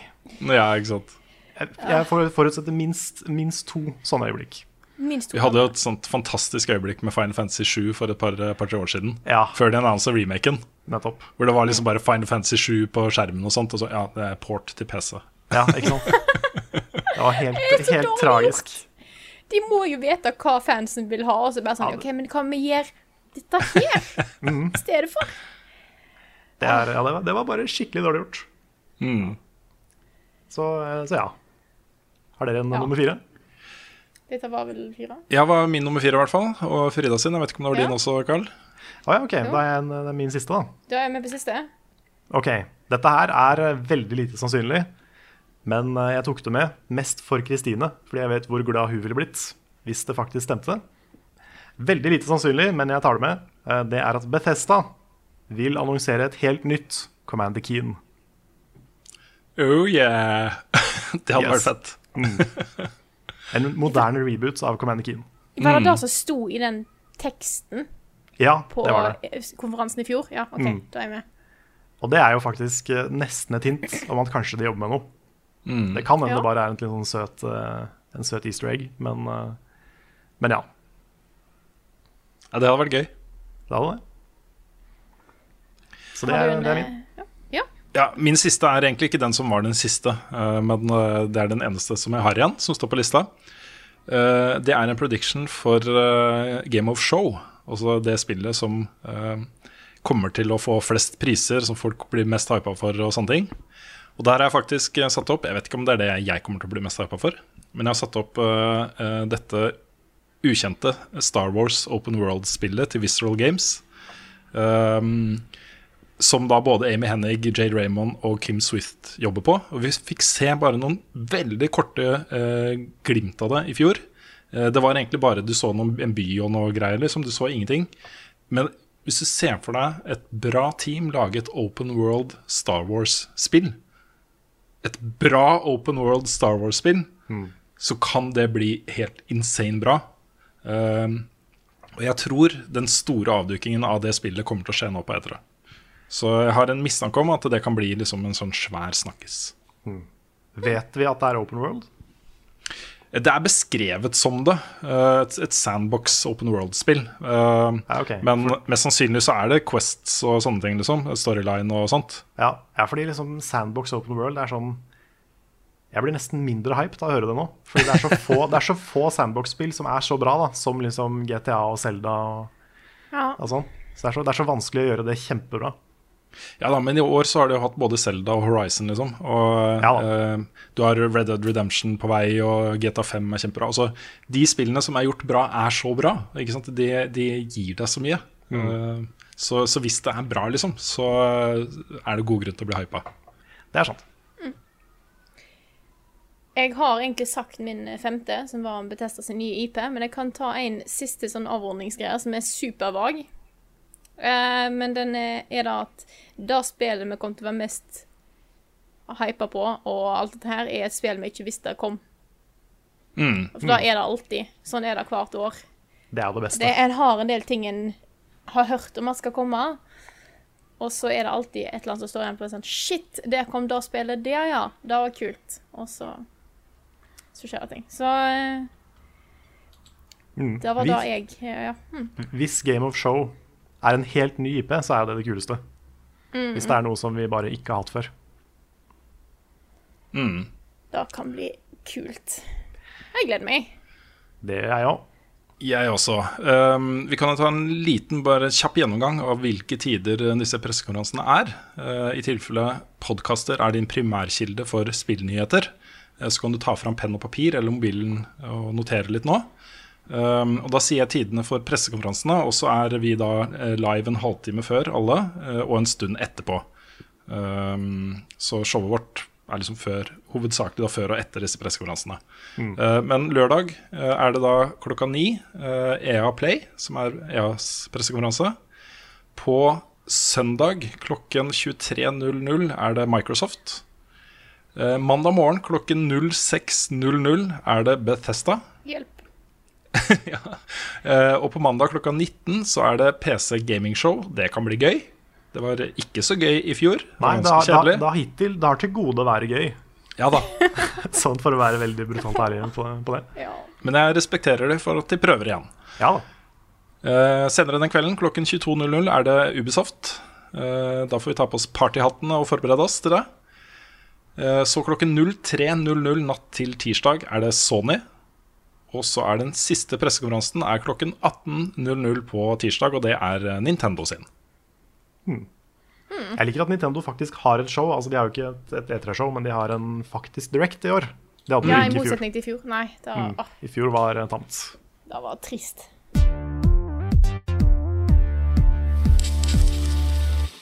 Da skal vi annonsere vinnerne av konkurransen som vi har hatt gående de siste ukene sammen med Lekkerol.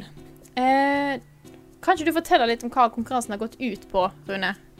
Jo, for, eh, for to uker siden så gikk vi ut og ba eh, lytterne våre eh, om å fortelle sine beste spillhistorier, og gjerne noe som var enten trist eller kleint eller morsomt, eller også noe som har gjort litt inntrykk på folk, da. Under hashtaggen 'makes people talk'. Man måtte tagge både oss og, og Lekkerol Norge. Premien har jo da vært å bli gjest i podkasten her pluss en kasse med Lekkerol og et trådløst headset.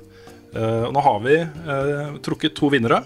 Eh, de to historiene som vi hadde mest sans for. Og det har vært veldig gøy å gå gjennom de bidragene vi har fått.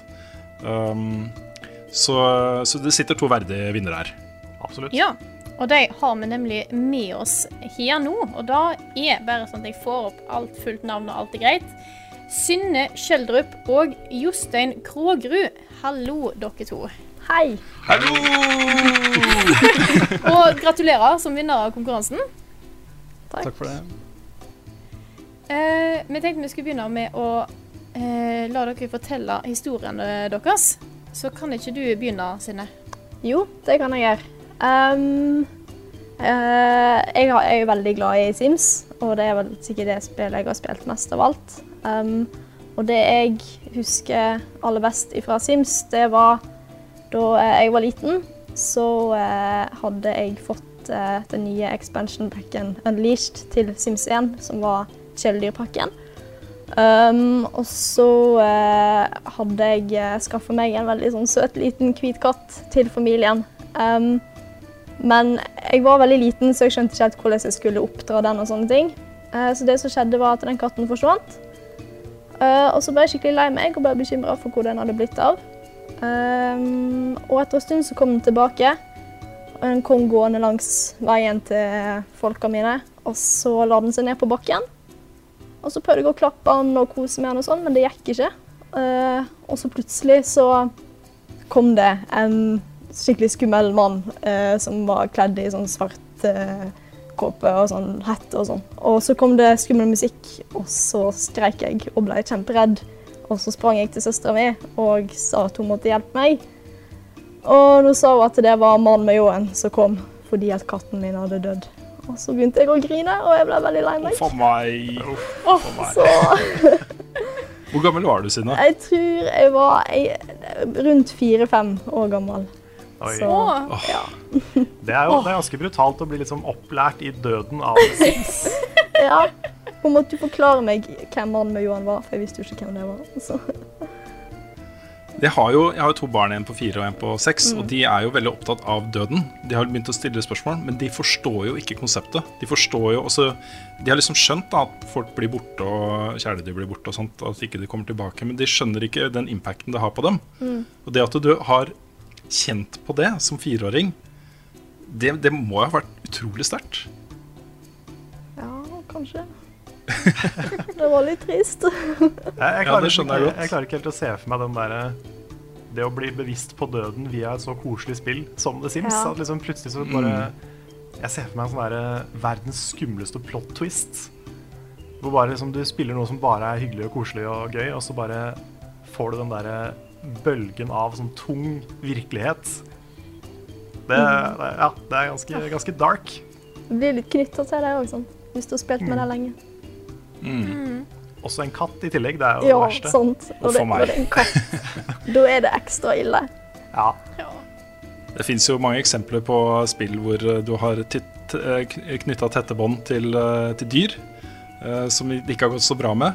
Det er alltid litt sånn ekstra sterkt. Altså. Jeg vet ikke helt hvorfor, eh, hvorfor det er sånn, men eh, Men det er litt typisk spill at dyret alltid skal Mm. dø. ja. Det er sånn der, eh, nå skal, nå skal du føle noe, så nå, nå dør dyret. Oh. Mm. Jeg var jo veldig stressa på det med The Last Guardian. Det, Ja. Jeg vet ikke om jeg hadde takla, det, altså. Hvis det hadde gått gærent for Trico. Nei, I know. Ja, nei, det var en eh, sterk historie, Synne. Eh, vi har jo en historie til. Den er eh, Den er trist, den også, men kanskje mer, mer flau. trist. Enn en trist-trist. Kan ikke du fortelle hva som skjedde med deg, Jostein? Jo, det her var jo rett etter at jeg var ferdig med studiene i Trondheim på Gløshaugen. Så hadde jeg fått meg da min første ordentlige jobb, sånn sett. Jeg hadde jo hatt mye deltidsjobber og sånn opp igjennom, men det her var da en fulltidsjobb om man skulle være seriøs. Eh, Jeg hadde fått eh, Det var veldig lite kontorplasser å få, så jeg hadde fått eh, kontor inne på en nedlagt røntgenlab, for det var ingen som holdt på med det fagområdet lenger. Så sånn sett så var jeg hva skal jeg si, litt trygg innpå der, da, fordi du måtte ha nøkkel og sånn for å komme inn. Men jeg satt nå der og skulle prøve å være seriøs uansett, og satt en dag og gjorde vitenskapelig assistentting, som var den stillingen jeg hadde. Og da ringer en kompis, da, helt i fyr og flamme, og bare Jostein, du må logge på Team Fortress. Du må se på det kule skinnet som jeg har funnet. Og så Nja, jeg hadde ikke så lyst til det, da. Det var nå tross alt midt i arbeidstida og sånn. Men han sier jo, jo, kom igjen, da. Du må se det. Dette er, så stilig. Så jeg logga jo på, da. Tenkte det tar bare fem minutter. Og da får jeg konstatert at dette er utrolig viktig jeg skal se på, som eh, han skal vise. Det er en fyr som løper rundt med buksa på knærne med rumpa bar, og han løper i sirkler rundt meg og er helt i hundre, da, men jeg sitter og ser på og humrer og har det selvfølgelig, med røret klemt mellom skulder og, og kinn. Men så hører jeg at det banker på døra bak meg, og så blir den umiddelbart etterpå låst opp, da. Så bare OK, det er veldig få som har nøkkel hit, så det er liksom umiddelbart så vet jeg at det er ikke bare en eh, en kompis eller noe sånt som kommer. Så bare OK, nå skal vi bare kjapt eh, alt tabbe vekk dette her, så går det fint. Eh, det gjorde det ikke, da. For jeg klarte å få hengt opp skyteknappen. Jeg var jo tross alt inne i et skytespill med bazooka equippa. Og hadde sittet og gama til langt på natt kvelden før med høy lyd på høyttalerne, så det bare drønna den derre bazooka-lyden gjennom kontoret sånn gjentatte ganger, ikke sant? Bare sånn Da tok panikken meg, da, og det var liksom slutt på gode ideer, så jeg bare trykka på A-knappen kjempefort og snudde meg, og der sto sjefen min. en første, Hva sa han for noe? førsteamanuensis på instituttet. Eh, nei da, han eh, bare begynte rolig og greit å legge fram det han tross alt var der for, og spurte meg om jeg hadde gjort det og det, og åssen det gikk med den tingen og den tingen og sånn. og jeg begynte å bli litt letta, da, for jeg tenkte OK, han fikk det kanskje mirakuløst nok ikke med seg. Eh, så idet han skal gå, da, så sier han bare helt enkelt Var det et spill du holdt på med når jeg kom inn? Ja. Da hadde i grunnen eh, liksom første forsøk på å dekke over godt ganske i dass, så jeg prøvde ikke å ljuge i tillegg. Da sa jeg bare ja, det, det var vel i grunnen det. Og det blikket og det ansiktsuttrykket som da var det eneste han responderte med, det, det brant seg utrolig godt fast. Og dette her er nå 20 år siden. Prøvde du å forklare hva som hadde skjedd? Nei. Jeg ser for meg at Du skjønner Jeg skulle bare Det var en kompis av meg, han hadde nytt skin med buksene nede og sånt. Og ville vise det til meg. Og det, er umulig å forklare dette. Jeg kjørte scenarioet veldig kjapt i hodet og kom fram til at vi bare tar det nå, og så sier vi ikke noe mer. Det bare Det var, nok, det var nok kanskje lurt sånn med tanke på situasjonen der og da. Jeg tror det Ja, altså. altså Særlig i og med at den der er veldig Det er liksom noe med det å, å prøve å dekke over noe litt sånn eh, nonchalant, og så gjør du ting bare verre. Den, eh, Ja. den var litt vond. Åh, ja. Men du fikk beholde Men, eh, jobben videre, eller? Ja da, jeg hadde den en stund til. Prøvde du, Logga du deg på Team Forces 2 igjen i den jobben? Eh, ikke i arbeidstiden. Nei, ok. Jeg gjorde ikke det. Det vil jo si Jeg, Jeg skal jo innrømme at det, det har jo skjedd andre ting opp gjennom som jeg har gjort i arbeidstiden, som også har blitt ferska som uh, i ettertid, men kanskje ikke gaming-relatert. Men jeg tenkte, okay. Det hørtes kanskje verre ut enn det det egentlig var. Ja, det, Ja, det, det sånn Men, kom, Men men mens vi snakka om det, så kom jeg egentlig på en annen liten ting som jeg også gjorde i arbeidstiden. mm. Eller, ja. For da var det noe annet det, blir ikke, det blir ikke flere lekkerollesker på deg Gjør ikke det? for det. Bare advar om Du det. Men som du, gjerne kan, fortelle. du kan se det som en ren bonus. Ja, det, er- Ja. det er bra. Gratis eh, story. en gratis delelse. Nice. Nei, men da var det nok en gang en kompis. Når Jeg tenker meg om så er det vel egentlig dårlige venner som er mitt problem. Ser det ut. Men jeg hadde fått en sånn eh, moromail i posten. da med et sånn, Det var et bilde som skulle være en optisk illusjon.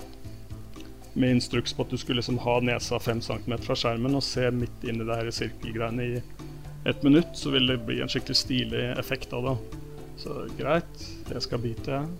Kikker inn. Og sitter og stirrer inn i skjermen. Og så tenker jeg ja, det skjer vel Det er sikkert bare tull. Det er bare ljug og tull. Men så skjer det noe. Bildet bytter til å bli en kjempestor rumpe. Nok en gang en rumpe som dekker hele skjermen. Samtidig som det er en veldig høy prompelyd ut av PC-høyttaleren.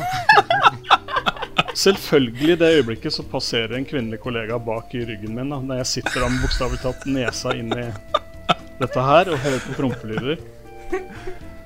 Jeg prøvde ikke å forklare den heller. Jeg bare snudde meg og konstaterte at det sto noen der. Blikkontakt, fårete smil og bare lot det være med det. Jeg rødmer jeg rødmer her jeg sitter. Jeg, Det er, er eh, Jeg- sånne ting som så- holder en våken om nettene. Altså. Jeg har så sympati med sånne der, Ja. eh, kleine jobbopplevelser og sånne ting. Men det er klart det er helt sjølforskyldt, da. Jeg må jo bare si det. Men det er jo litt sånn marerittscenario der med liksom folk som kommer inn på feil tidspunkt. Så, som jeg husker veldig godt. Jeg ble så frustrert fordi mamma og pappa kom alltid inn. De, de kom inn på de to stedene i Final Fantasy 7 der det var blod, f.eks. Og bare shit, det var voldelig spill her, liksom. Oi, oi, oi. Så da var det bare blod i det spillet. Ja, det var bare blod. Mm. Det var bare blod og forferdelig. Kjempevoldelig spill. Så lenge man ikke har sånne historier som involverer en pai, eller noe sånt, så må det vel være greit. Da er, da, da er det greit. Ja. Det blir, det blir ikke verre enn Hollywood, på en måte. Jostein tok referansen. Det er bra. Jeg har ingen anelse hva dere snakker om. Nei. Nei, Jeg jeg, nei, jeg, har ingen, det- jeg har ingen sånne. Det har jeg ikke. Nei, ok, det er bra. Jeg tenker vi kan eh, la det også være, uh, være slutten på konkurransen vår. Det har vært kjempegøy å holde den. Uh, takk til uh, Likeror for uh, en kul mulighet til å få morsomme spillhistorier. Tusen hjertelig takk til dere som leverte både fantastiske historier og eh, fortalte de såpass godt her i podkasten. Det var kjempebra, Sina Jostein. Takk for det. Takk. Det var gøy å få hilse litt på dere. Jeg har liksom følelsen at jeg kjenner dere, da. Det, jeg innser at det liksom ikke går andre veien, men eh, det er rart når det er noe man ser ofte på og hører på. Så det var gøy, syns jeg.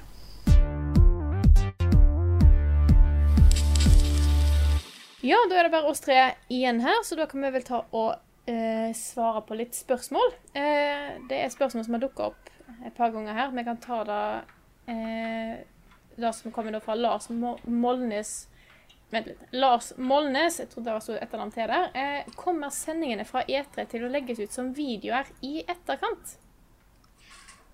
Ja da, Ja, vi, det gjør de. vi legger ut alt etterpå. Um, som vi gjør med alle streamene våre, egentlig. Uh, og egentlig så fort som mulig. Vi, det er ikke noe vits i å sitte og gnu, gnukke på de. Nei. Det vi gjorde i fjor, var at eh, jeg klipte de litt ned eh, og la Mm. på litt video som var relevant for det vi prata om. Stemmer det. Og det gjør jeg sannsynligvis igjen. Det tok, eh, det, var, det tok jo litt tid å klippe det i fjor, så da fikk vi ikke lagt det ut med en gang. Men jeg skal prøve å være kjapp i år. Vi har jo litt uh, dødtid mellom, uh, mellom pressekonferansene, så det er det litt lettere å klippe det. Jeg skal jo sette meg ned etter Nintendos uh, Etter siste praten vår. uh, skal jeg sette meg ned i det studio og lage level update. så ja, jeg tenkte det. Så at jeg i hvert fall får filma det, og så kan jeg klippe det på morgenen dagen etter eller noe sånt. Uh, men bare sånn at det blir filma i samme studio, tror jeg blir kult. Ja. Nice, nice. Nice. Skal vi se. Neste spørsmål. Eh, og da er et litt interessant spørsmål, som er veldig motsatt av det vi snakker om eh, i ukens tema. Og det er fra Isayo Dulen, som skriver Hva ville vært den aller største skuffelsen E3 kunne gitt dere? Oi. Mm, Det er vanskelig å Det er jo sjelden de på en måte annonserer en skuffelse. Det var nok Ja, sånn det er at sant, eh, de går ut og sier at nei, vi har, eh, det har skjedd noe feil, så vi er nødt til å bare avbryte Destiny 2-launchen, liksom.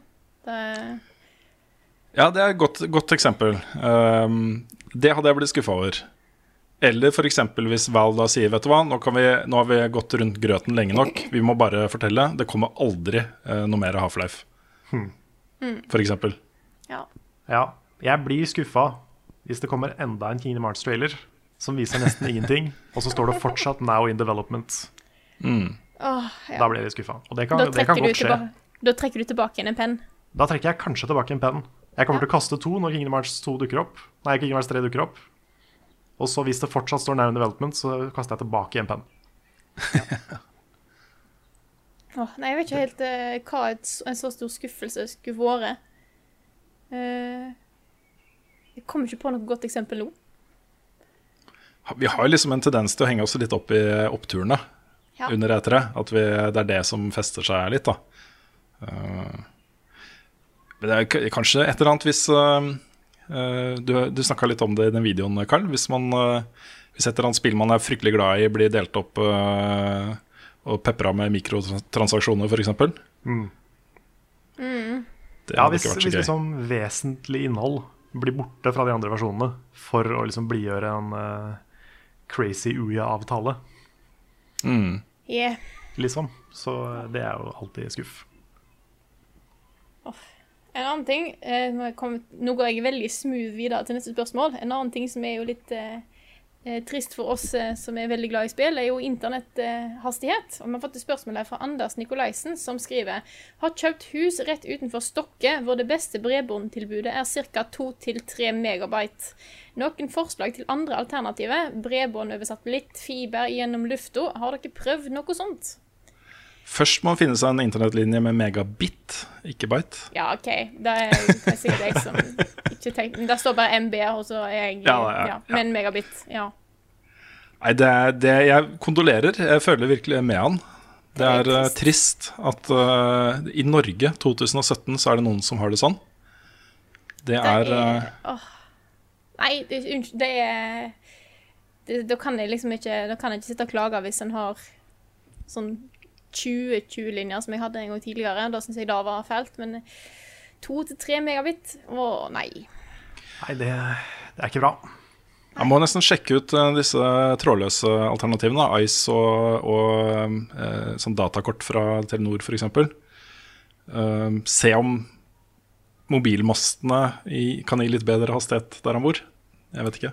Ja, ofte så kan 4G Det er ofte veldig god 4D-dekning i nesten hele Norge. Så det kan være et godt alternativ. Ja, disse data-SIM-kortene også er jo, er jo spesiallagd for datatrafikk. ehm, og gir egentlig ganske gode hastigheter, altså. eh, så lenge man er nærme nok et sånt tårn. Så, ehm, så prøv det, kanskje. Ja. Ja. Bra tips. Og så prøv eh, prøver jeg ikke å bli altfor trist med, med internett. Jeg får rappe noe fiber, og så bare grave. Ja, Lage den, legge den kabelen selv. ja for da har jeg hørt det kjempebillig. Mm. Og veldig lett å gjøre det på en dag. Ja, det er bare litt dugnad, vet du. Ja, Få med Ja, ja, kompiser. spør naboene om de vil Ja. spleise. Og så bare graver dere et svært høl, og så bare putter dere en kabel, og så håper dere at det funker. Men Sanne ting har jo ofte en prislapp. da Hvis det er, eh, hvis det er flere enn han som har lyst på en, en bedre internettlinje, så kan jo det være et, en, en ting å gjøre. Gå sammen med alle som er hypp på bedre linje, og så eh, være villig til å betale litt ekstra for å få den. Ja da. Absolutt. Det er sant. Eh, skal vi se om jeg kan ta neste spørsmål her. Det er Mario Jørstad som skriver til Carl. Hvor mange takes trengtes da for Golden Axe, Golden Axe klassikerinnslaget? Tenker selvfølgelig på outfiten din. PS håper vi får se noen morsomme outtakes i neste bakom-film. Ja, jeg kan jo svare på det først, fordi det kommer definitivt noen outtakes i bakomfilmen. Um, ikke nødvendigvis fordi det var så mange takes, fordi jeg hadde pugga den setningen ganske bra på forhånd for at jeg skulle slippe å ta så mange takes. Og, men, det, men det var en sånn ting som jeg tenkte at kom til å bli gøy å filme. Helt til det viste seg at det var andre mennesker i den parken. Da er det plutselig veldig mye mindre gøy. Um, så det var annet noen folk som drev og fnisa, og på et eller annet tidspunkt så sa de lykke til med hva enn det er dere driver med. Um, For du har på deg sånn der romersk gladiator, eller sånn der romersk soldatdrakt, ikke sant? ja, med Kjøpt på standard. Mm. Ja. Så det, og det verste jeg likte var at det var håret jo- ditt. Jeg likte Ja. håret ditt. Det Ja, var kjempebra. Det, jeg tenkte jeg måtte ha litt sånn der bak, bakoversleik. Det følte jeg var litt sånn Det var mer romersk, Det var det. på en måte. Men eh, nei, det, det gikk ganske greit å filme det. Um, det verste var det å gå ut før kameraet var på. Fordi jeg føler at så fort kameraet er der, så er det tydelig at man gjør noe. Men når ikke kameraet er der, så er det veldig pinlig. Så eh, Ja. Kristine var jo med meg ut, heldigvis. Og hun syntes det var Jeg vet ikke om hun syntes det var flaut eller gøy, eller begge deler. Men, eh, men ja, det var, det var greit at hun var med. Hvis det hadde vært bare meg, så hadde det vært, eh, da hadde jeg kanskje ikke turt. Nei, det, det hadde ikke jeg gjort turt, altså. Jeg måtte hatt med meg noen der. Ja. Ja. Og, eh, men det, det som var litt gøy, da, det var den der, når jeg filma den der melkescenen, så hadde jeg jo ikke fortalt Kristine hva det var til. Så eh, hun skjønte jo for det første ikke hva jeg filma, eller hvorfor. Eller hva punchline kom til å være. Men punchline er jo egentlig kjempedum. Så det er jo en veldig lang, elaborate scene for ingenting. Um, så det ble jo sånn litt sånn joke på hennes vegne, da, når vi hadde liksom filma alt det der. Så bare Det er dette her det var til. Det var kanskje det morsomste. Bare den reaksjonen hennes på at å ja, det er dette her vi har jobba for i hele dag. ja, men jeg skjønner jo denne, for at eh, Husk i innslaget når jeg kom til den scenen, jeg tenkte bare Hvor, hvor er det Carl skal med dette her, med melk? Eh, og da blir det jo enda mer eh, gøy når du ikke vet hva i alle dager dette her skal lede fram til. Så det Nei, det, ja. det, var en, det var en spennende dag på jobb. Da, da tror jeg på. Vi kan ta et eh, spørsmål her som har kommet fra Marius Ren Heide, som skriver et relativt kjapt og enkelt spørsmål. Etter å ha sett anmeldelser dere legger ut, er det enten Nintendo, PlayStation eller PC dette blir eh, anmeldt på. Når spilte dere egentlig noe sist på Xbox One? Og det er jo litt til det vi snakka om før i dag. Ja da, det er det. Eh, nei, det er en stund siden. Jeg spilte jo Forza Horizon 3 i fjor høst, og litt eh, Gears. Um, de andre tingene som er anmeldt på Xbox One eh, i det siste, har det vært Nick som har tatt. Han tok jo eh, Halo Wars 2 og eh, Dead Rising 4. Um, men det er en stund siden, altså. Nå er det jo veldig mange av de multiplattformspillene som vi anmelder, som også er ute på Xbox One. Uh, som vi kanskje de fleste av oss har spilt på PS4. Men det er jo på en måte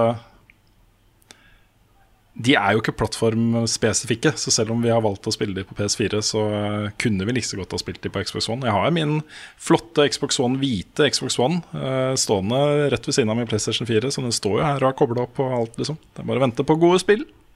Ja, men det er, det er noe med det òg, fordi eh, til og med de spillene som er eksklusive på Xbox One, kan du også få på Windows 10. Ja. Um, så det fins jo på en måte ikke ting du må spille på Xbox One. Og hvis jeg kan spille det på PC, så velger jeg som regel å gjøre det. Så for meg så er det, det er sjelden jeg får brukt den. Jeg har spilt den mye til liksom, Jeg har spilt, brukt den mye til rare replay og den type ting. Men eh, nei, det er ikke så ofte jeg bruker den. Og det er litt synd. Jeg Det litt- har jo ikke Play eh, Xbox One engang. Eh, så da sier seg jo litt sjøl hvor lite jeg har eh, brukt Xbox-konsoller Mm. i det siste. Jeg er ikke noe, noen, eh, på noen som helst måte noen fanboy av noen som helst konsoller. Eh, For meg så handler det alltid om hvor er det på en måte eh, de spillene jeg spiller er. Mm. og på forrige generasjon eh, så foretrakk jeg Xbox 360 hvis det var multiplattformting og sånt. Da var det gjerne der jeg spilte det på, fordi det var, der, eh, det var den jeg likte best å spille på. Nå er det PS4, og den har jo egentlig blitt litt sånn fordi det er der jeg spiller Destiny. Så det er, den er alltid kobla opp, ikke sant? Uansett. Så er den kobla opp, uh, klar til bruk. Um, da, da har det bare blitt litt sånn, rett og slett. Ja, min, eh, min indre konsollfanboy døde med Sega Mega Drive. Ikke sant? Jeg synes jo, Mens vi snakker om det, så syns jeg det er deilig å få litt gode gamle Nintendo-følelser tilbake igjen. Eh, det er en stund siden jeg har vært veldig glad i en Nintendo-konsoll. Det var GameCube var den siste som eh, som jeg hadde veldig nær hjertet mitt. Um, det at Switch eh, og Zelda og en del andre ting har fått litt den rollen igjen, uh, syns jeg er veldig koselig. Jeg syns jo det er litt imponerende at vi har eh, faktisk i en podkast hvor vi nå er tre personer, eh, så har vi to Sega-kids. Det er ganske bra.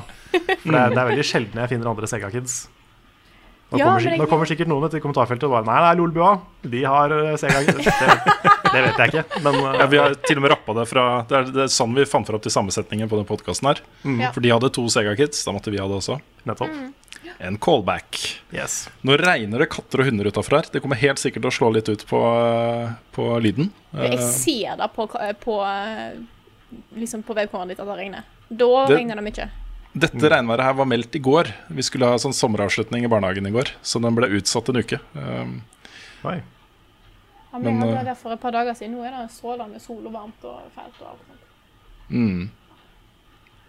Nei, det her ser ikke bra ut. Jeg er glad det ikke er jeg som skal hente ungen i dag. Her også regner det litt, men altså ikke like mye som hos deg. Så jeg kan Mm. se hvor, hvor stor forskjell det er på, på Oslo, altså. Det kommer til deg straks. Det gjør nok det. Får eh, løpe en tur på butikken etterpå. Ok, Da tar jeg neste spørsmål her fra Niklas Krabsetsve. Alle har fått dette navn. Eh, skal skrive Hei, jeg har to spørsmål, egentlig. Den ene er om dere kunne livestreame Rust med hele gjengen. Det hadde vært kjempegøy å sett på. Det kunne jo vært en idé. Eh, spørsmål nummer to er om dere kunne lagt ut podkasten på Spotify. Da har jeg la merke til at Spotify støtter dette. Um, det første spørsmålet, ja, kanskje. Det er liksom Rust er et spill vi har, uh, har kikka litt på. Um, Jeg har ikke ofte spilt litt det kompl- Nei, ikke jeg heller. Det er ofte litt komplisert også å sette i gang med sånne spill, Fordi da må vi gjerne kjøpe fire til seks eksemplarer av spillet for å spille det sammen. Um, men, uh, men ja, det er en mulighet. Mm, Vi burde samme. jo også ha spilt Conan Exiles, egentlig. Ja, sant. Samme med Friday the 13th, var den som foreslo Ja. på streamen i Ja. går. Det også burde vi jo spilt sammen. Absolutt. Nei, det er litt dyrt for oss å kjøpe fire til seks eksemplarer av et spill, rett og slett. Ja, det er det. Ja. Hadde vi, eh, hadde vi hatt noe connection, så kunne vi bare fått bedt om masse koder. Jeg føler det er litt sånn teit også. Hei, kan vi få Vi er, en, vi er liksom en liten spillsatsing i Norge. Kan vi få seks koder av spillet Ja, ditt, det liksom? er, det er litt teit. Ja. Men, Men, podkast eh, på Spotify? Ja da, eh, det har vi snakka med moderne medie, medie om. Eh, Det er jo de som er eh, vår podkastutgiver, publisher. Eh, De jobber også med sponsoravtale for oss og de som har fått på plass Lekkerol-avtalen og litt sånne ting. De jobber mot det. De ønsker å få til noe der. Så hvis de får det til, så gjør vi det også. Ja. Nice. Enkelt og greit. Eh, skal vi se. Vi har fått et spørsmål fra Daniel Kvien, som skriver Kjære Level Up, har dere noen gang mista entusiasmen for spill i en periode? Om ikke helt, men kanskje del delvis. Fra å ikke røre spill overhodet i en periode, eller bare en forminska frekvens. Eh, og skal det mer til for å imponere dere i spill i dag? Føles den samme gleden som da du spilte et spill du gleda deg til som 15-åring for første gang? Eh, skriver videre at eh, jeg kan føle samme sterke glede, men merker at en kan avta underveis under spillinga om spillet ikke er ekstremt bra for meg. Virker som spill må kjempe hardere for min oppmerksomhet fra start til slutt. Hvordan er dette for dere? Jeg kjenner meg litt igjen. Uh, forskjellen på, på meg og han, det er jo at uh, jeg har jo jobba med spill i uh, over 20 år nå. Ehm, og har jo aldri hatt muligheten til å legge det helt fra meg. Jeg er helt sikker på at hvis jeg i den perioden på et eller annet tidspunkt hadde hatt liksom eh, et år som, som jeg skal jobbe med noe annet, og ikke anmelde spill i det hele tatt, at jeg kanskje ville ha valgt å gjøre noe annet i en lengre periode da. Men jeg vet jo at jeg hadde funnet tilbake til spill. Men sånn har det ikke vært. Da har det vært ok, jeg må spille et nytt spill som skal anmeldes til mandagen etter eller et eller annet. Eh, og det som skjer da, er at plutselig så sitter man da og spiller et fantastisk spill. Så får man den gløden tilbake. uh, av seg selv, på en måte. Mm. Fordi spillet er så bra, ikke sant? Ja, sant. For å, Jeg å, en eh, Ja, nei, eh, gå først, du. OK. Uh, jeg hadde en spilltørke i vinter. Eh, Det var en periode etter uh, Jeg lurer på om det var før Zelda kom ut. Og litt etterpå. Så bare spilte jeg ingenting. i et par uker. Fordi uh, da var det sånn Nå trenger jeg en pause. For Mest fordi det var mye skoleting, men òg bare sånn noe Akkurat der så mangla jeg litt den Jeg har lyst til å gjøre andre ting, kanskje. Bare ikke se serier og litt sånne ting. Mm. Så det, det skjer. Hva gjør det? Ja, jeg har aldri hatt en sånn periode i livet mitt hvor jeg ikke har spilt, liksom. Um, hvis ikke man teller liksom én til fire år. uh, da er det litt vanskelig å spille. Men eh, Nei, eh, det nærmeste jeg har kommet, det var, eh, det var en periode Jeg tror det var sånn tidlig PlayStation 3, Xbox 360-perioden. Eh, så føltes det som nesten alt som kom ut, var liksom litt sånn gritty, brunfarga shooters. Og da følte jeg en periode av liksom spill blir mindre og mindre for meg, da. Men det jeg er så glad, glad for nå, det er at spill har blitt så mye mer variert. At det er så, det er så mye mer forskjellig nå enn det har vært noen gang. Så, så lenge det er sånn, så blir jeg egentlig bare mer engasjert. Eh, Så lenge det er masse variasjon, så er jeg supergira. Det skjer så mye gøy i spill med den nå. I fjor, eh, for min del, da, altså basert på min spillsmak og ting jeg liker og sånt I fjor så hadde jeg Inside, Uncharted 4, The Witness eh, og The Last Guardian. I år så har jeg brukt liksom 150 timer på Bloodborne. eh, 50 pluss timer på Horizon. eh, 150 på Zelda. Eh, Pluss at det har kommet masse annet bra også, liksom. Um, og det er jo den derre gleden over å, over å sette seg ned med ting som uh, Kanskje gjør ting litt annerledes, kanskje leverer en opplevelse du ikke har hatt helt lik uh, som før. Gjør jo at den interessen for mediet opprettholdes ikke sant? og forsterkes uh, år for år. Um, men han har et poeng. Det, det skal nok litt mer til for å imponere meg. Eller for å si det på en litt annen måte. Eh, jeg blir ekstra gra glad, tror jeg, når noe skiller seg ut. Mer glad enn en kanskje en mer eh, casual spiller vil bli. En som ikke spiller så mye som jeg gjør. Um, jeg setter så pris på uh, vellykka forsøk på å ting, gjøre ting annerledes. Mm, same. Helt enig. Jeg har jo, eh, har jo nevnt det før, men eh, for meg så er 2015 det beste spillåret noen gang. Eh, og det handler om liksom Der fikk jeg nye spill, da. I, eh, i de delene av spillmediet som jeg setter mest pris på av alt. Og det året var bare helt fantastisk for min del. Ja. 2015 var et bra år. Det var det. Det var det. Det var liksom Bloodborne, det var Undertale, det var Life is Strange. Det var så mye da, som var så bra, og som var så nytt. OK. Eh, vi begynner å få litt sånn eh, dårlig tid her, men vi kan ta, jeg kan ta Jeg lurer på om jeg skal ta et spørsmål til. eller Har dere sett noe som dere har lyst til å ta opp? Det var ett spørsmål som jeg føler jeg må svare på. Um, skal vi se om jeg finner det tilbake.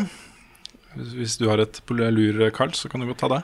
Ja, jeg kan, jeg kan være litt, uh, litt sleip og sette meg sjøl opp for en plugg. Fordi uh, Marius Fugl Fugelsnes han spør om vi kan snakke om Final Fantasy 7. Og da kan jeg si at vi har en podkast om Final Fantasy. Eh, det vil si, jeg har en podkast sammen med Jostein fra Radcrew og Audun fra Level Up slash Gamer om Final Fantasy. Første episode handler om bare Final Fantasy 7 og spilla rundt Final Fantasy 7. Så eh, hvis du, hvis du vil høre om det, så er det bare å høre på Genovas vitner, eh. Skal jeg legge på den der, uh, sponsormusikken som vi har begynt å bruke der, Karl? Ja, det kan du gjøre. Ja. Den er til og med fra Final Fantasy 7, så det er perfekt. Oh, ja, det er helt, helt perfekt. Kjør på. Uh, ja, mitt uh, spørsmål eh, som jeg har lyst til å svare på, er fra uh, Fredrik Stordal. Eh, ikke spillrelatert, eh, skriver han, men Oslos beste burger. Åh, Um, munchies. Tror, munchies. ja, Munchies. Munchies. Er fantastisk. Jeg har ikke spist på alle de gode burgerstedene i Oslo, men jeg føler at med Munchie, også den burgeren som heter Munchie, så har jeg funnet min perfekte burger. Den, den er så utrolig god. Og de har dritbra fries og bra øl og ja, veldig glad i Munchies. De har til og med sweet potato fries, som er dritgode. Det har de. Det er jo en eh, burgerplass i Trondheim eh, som er veldig god. Den er, da skal jeg helt ærlig innrømme. Men det er ikke Munchies. Jeg hadde håpet om at jeg kanskje kunne finne meg noe eh, lignende i Trondheim. Sånn at jeg slipper å dra til Oslo for å få meg ordentlig, ordentlig god burger. Men uh, Munchies er best. Vi får sjekke om de leverer Foodora leverer Munchies-burgere til Forskningsparken. Jeg tror ikke de gjør det. Jeg tror det er litt for langt unna, men uh, vi kan sjekke. Ja, det spørs. Ellers så blir det nok eh, nesten garantert en Munchies-tur eller to i løpet av den uka. Ja, det må vi jo gjøre. Da må vi få til. Mm. Ja. ja. Skal vi Skal vi gi oss der? Vi må nesten det. Vi har en Vi avtale med vinnerne av konkurransen vår. Eh, via via eh, podkast-triks og klippe, og sånn briljant klipping, Ja. så gjør vi eh, den sekvensen etter at vi er ferdig med dette. Selv om du har hørt den allerede, så skal vi gjøre den nå. Utrolig, altså. Ja, det er helt fantastisk. Ja, teknologi. Ja. Mm. Er fremtida, dette her, folkens. Ja, Jeg tror det, altså. Ja. Ja. Og den podcasten her blir jo faktisk klipt. Det, det er kanskje ikke alle som er klar over, men det er faktisk, eh, fa faktisk innom et redigeringsprogram. Ja, det er det. Ikke at vi driver og sensurerer oss sjøl, det gjør vi ikke så mye. Men, eh, men vi må faktisk klippe inn de vignettene. Vi sitter ikke og spiller de live. Nei, Nei, vi gjør det ikke sant. Nei. Så det, Du har ofte sånne 10-15 minutter lange dopauser mens vi holder på også. Det hadde blitt Ja. litt kjedelig å høre på. Ikke sant? Det er veldig kjedelig å høre meg bæsje i ti minutter. Mm. Så det, det, har, det har vi kutta bort. Nei, men da tror jeg at jeg skal si tusen takk til alle som støtter oss på Patrion. Eh, dere er fantastiske folk. Og hvis eh, dere andre der ute òg syns at lager er dritbra og har lyst til å støtte oss litt, så er det bare til å gå inn på Patrion vår. Eh, og så vil jeg takke for, eh, takke for oss. Takk for, at, eh, takk for alle som har hørt på, og så snakkes vi igjen neste uke.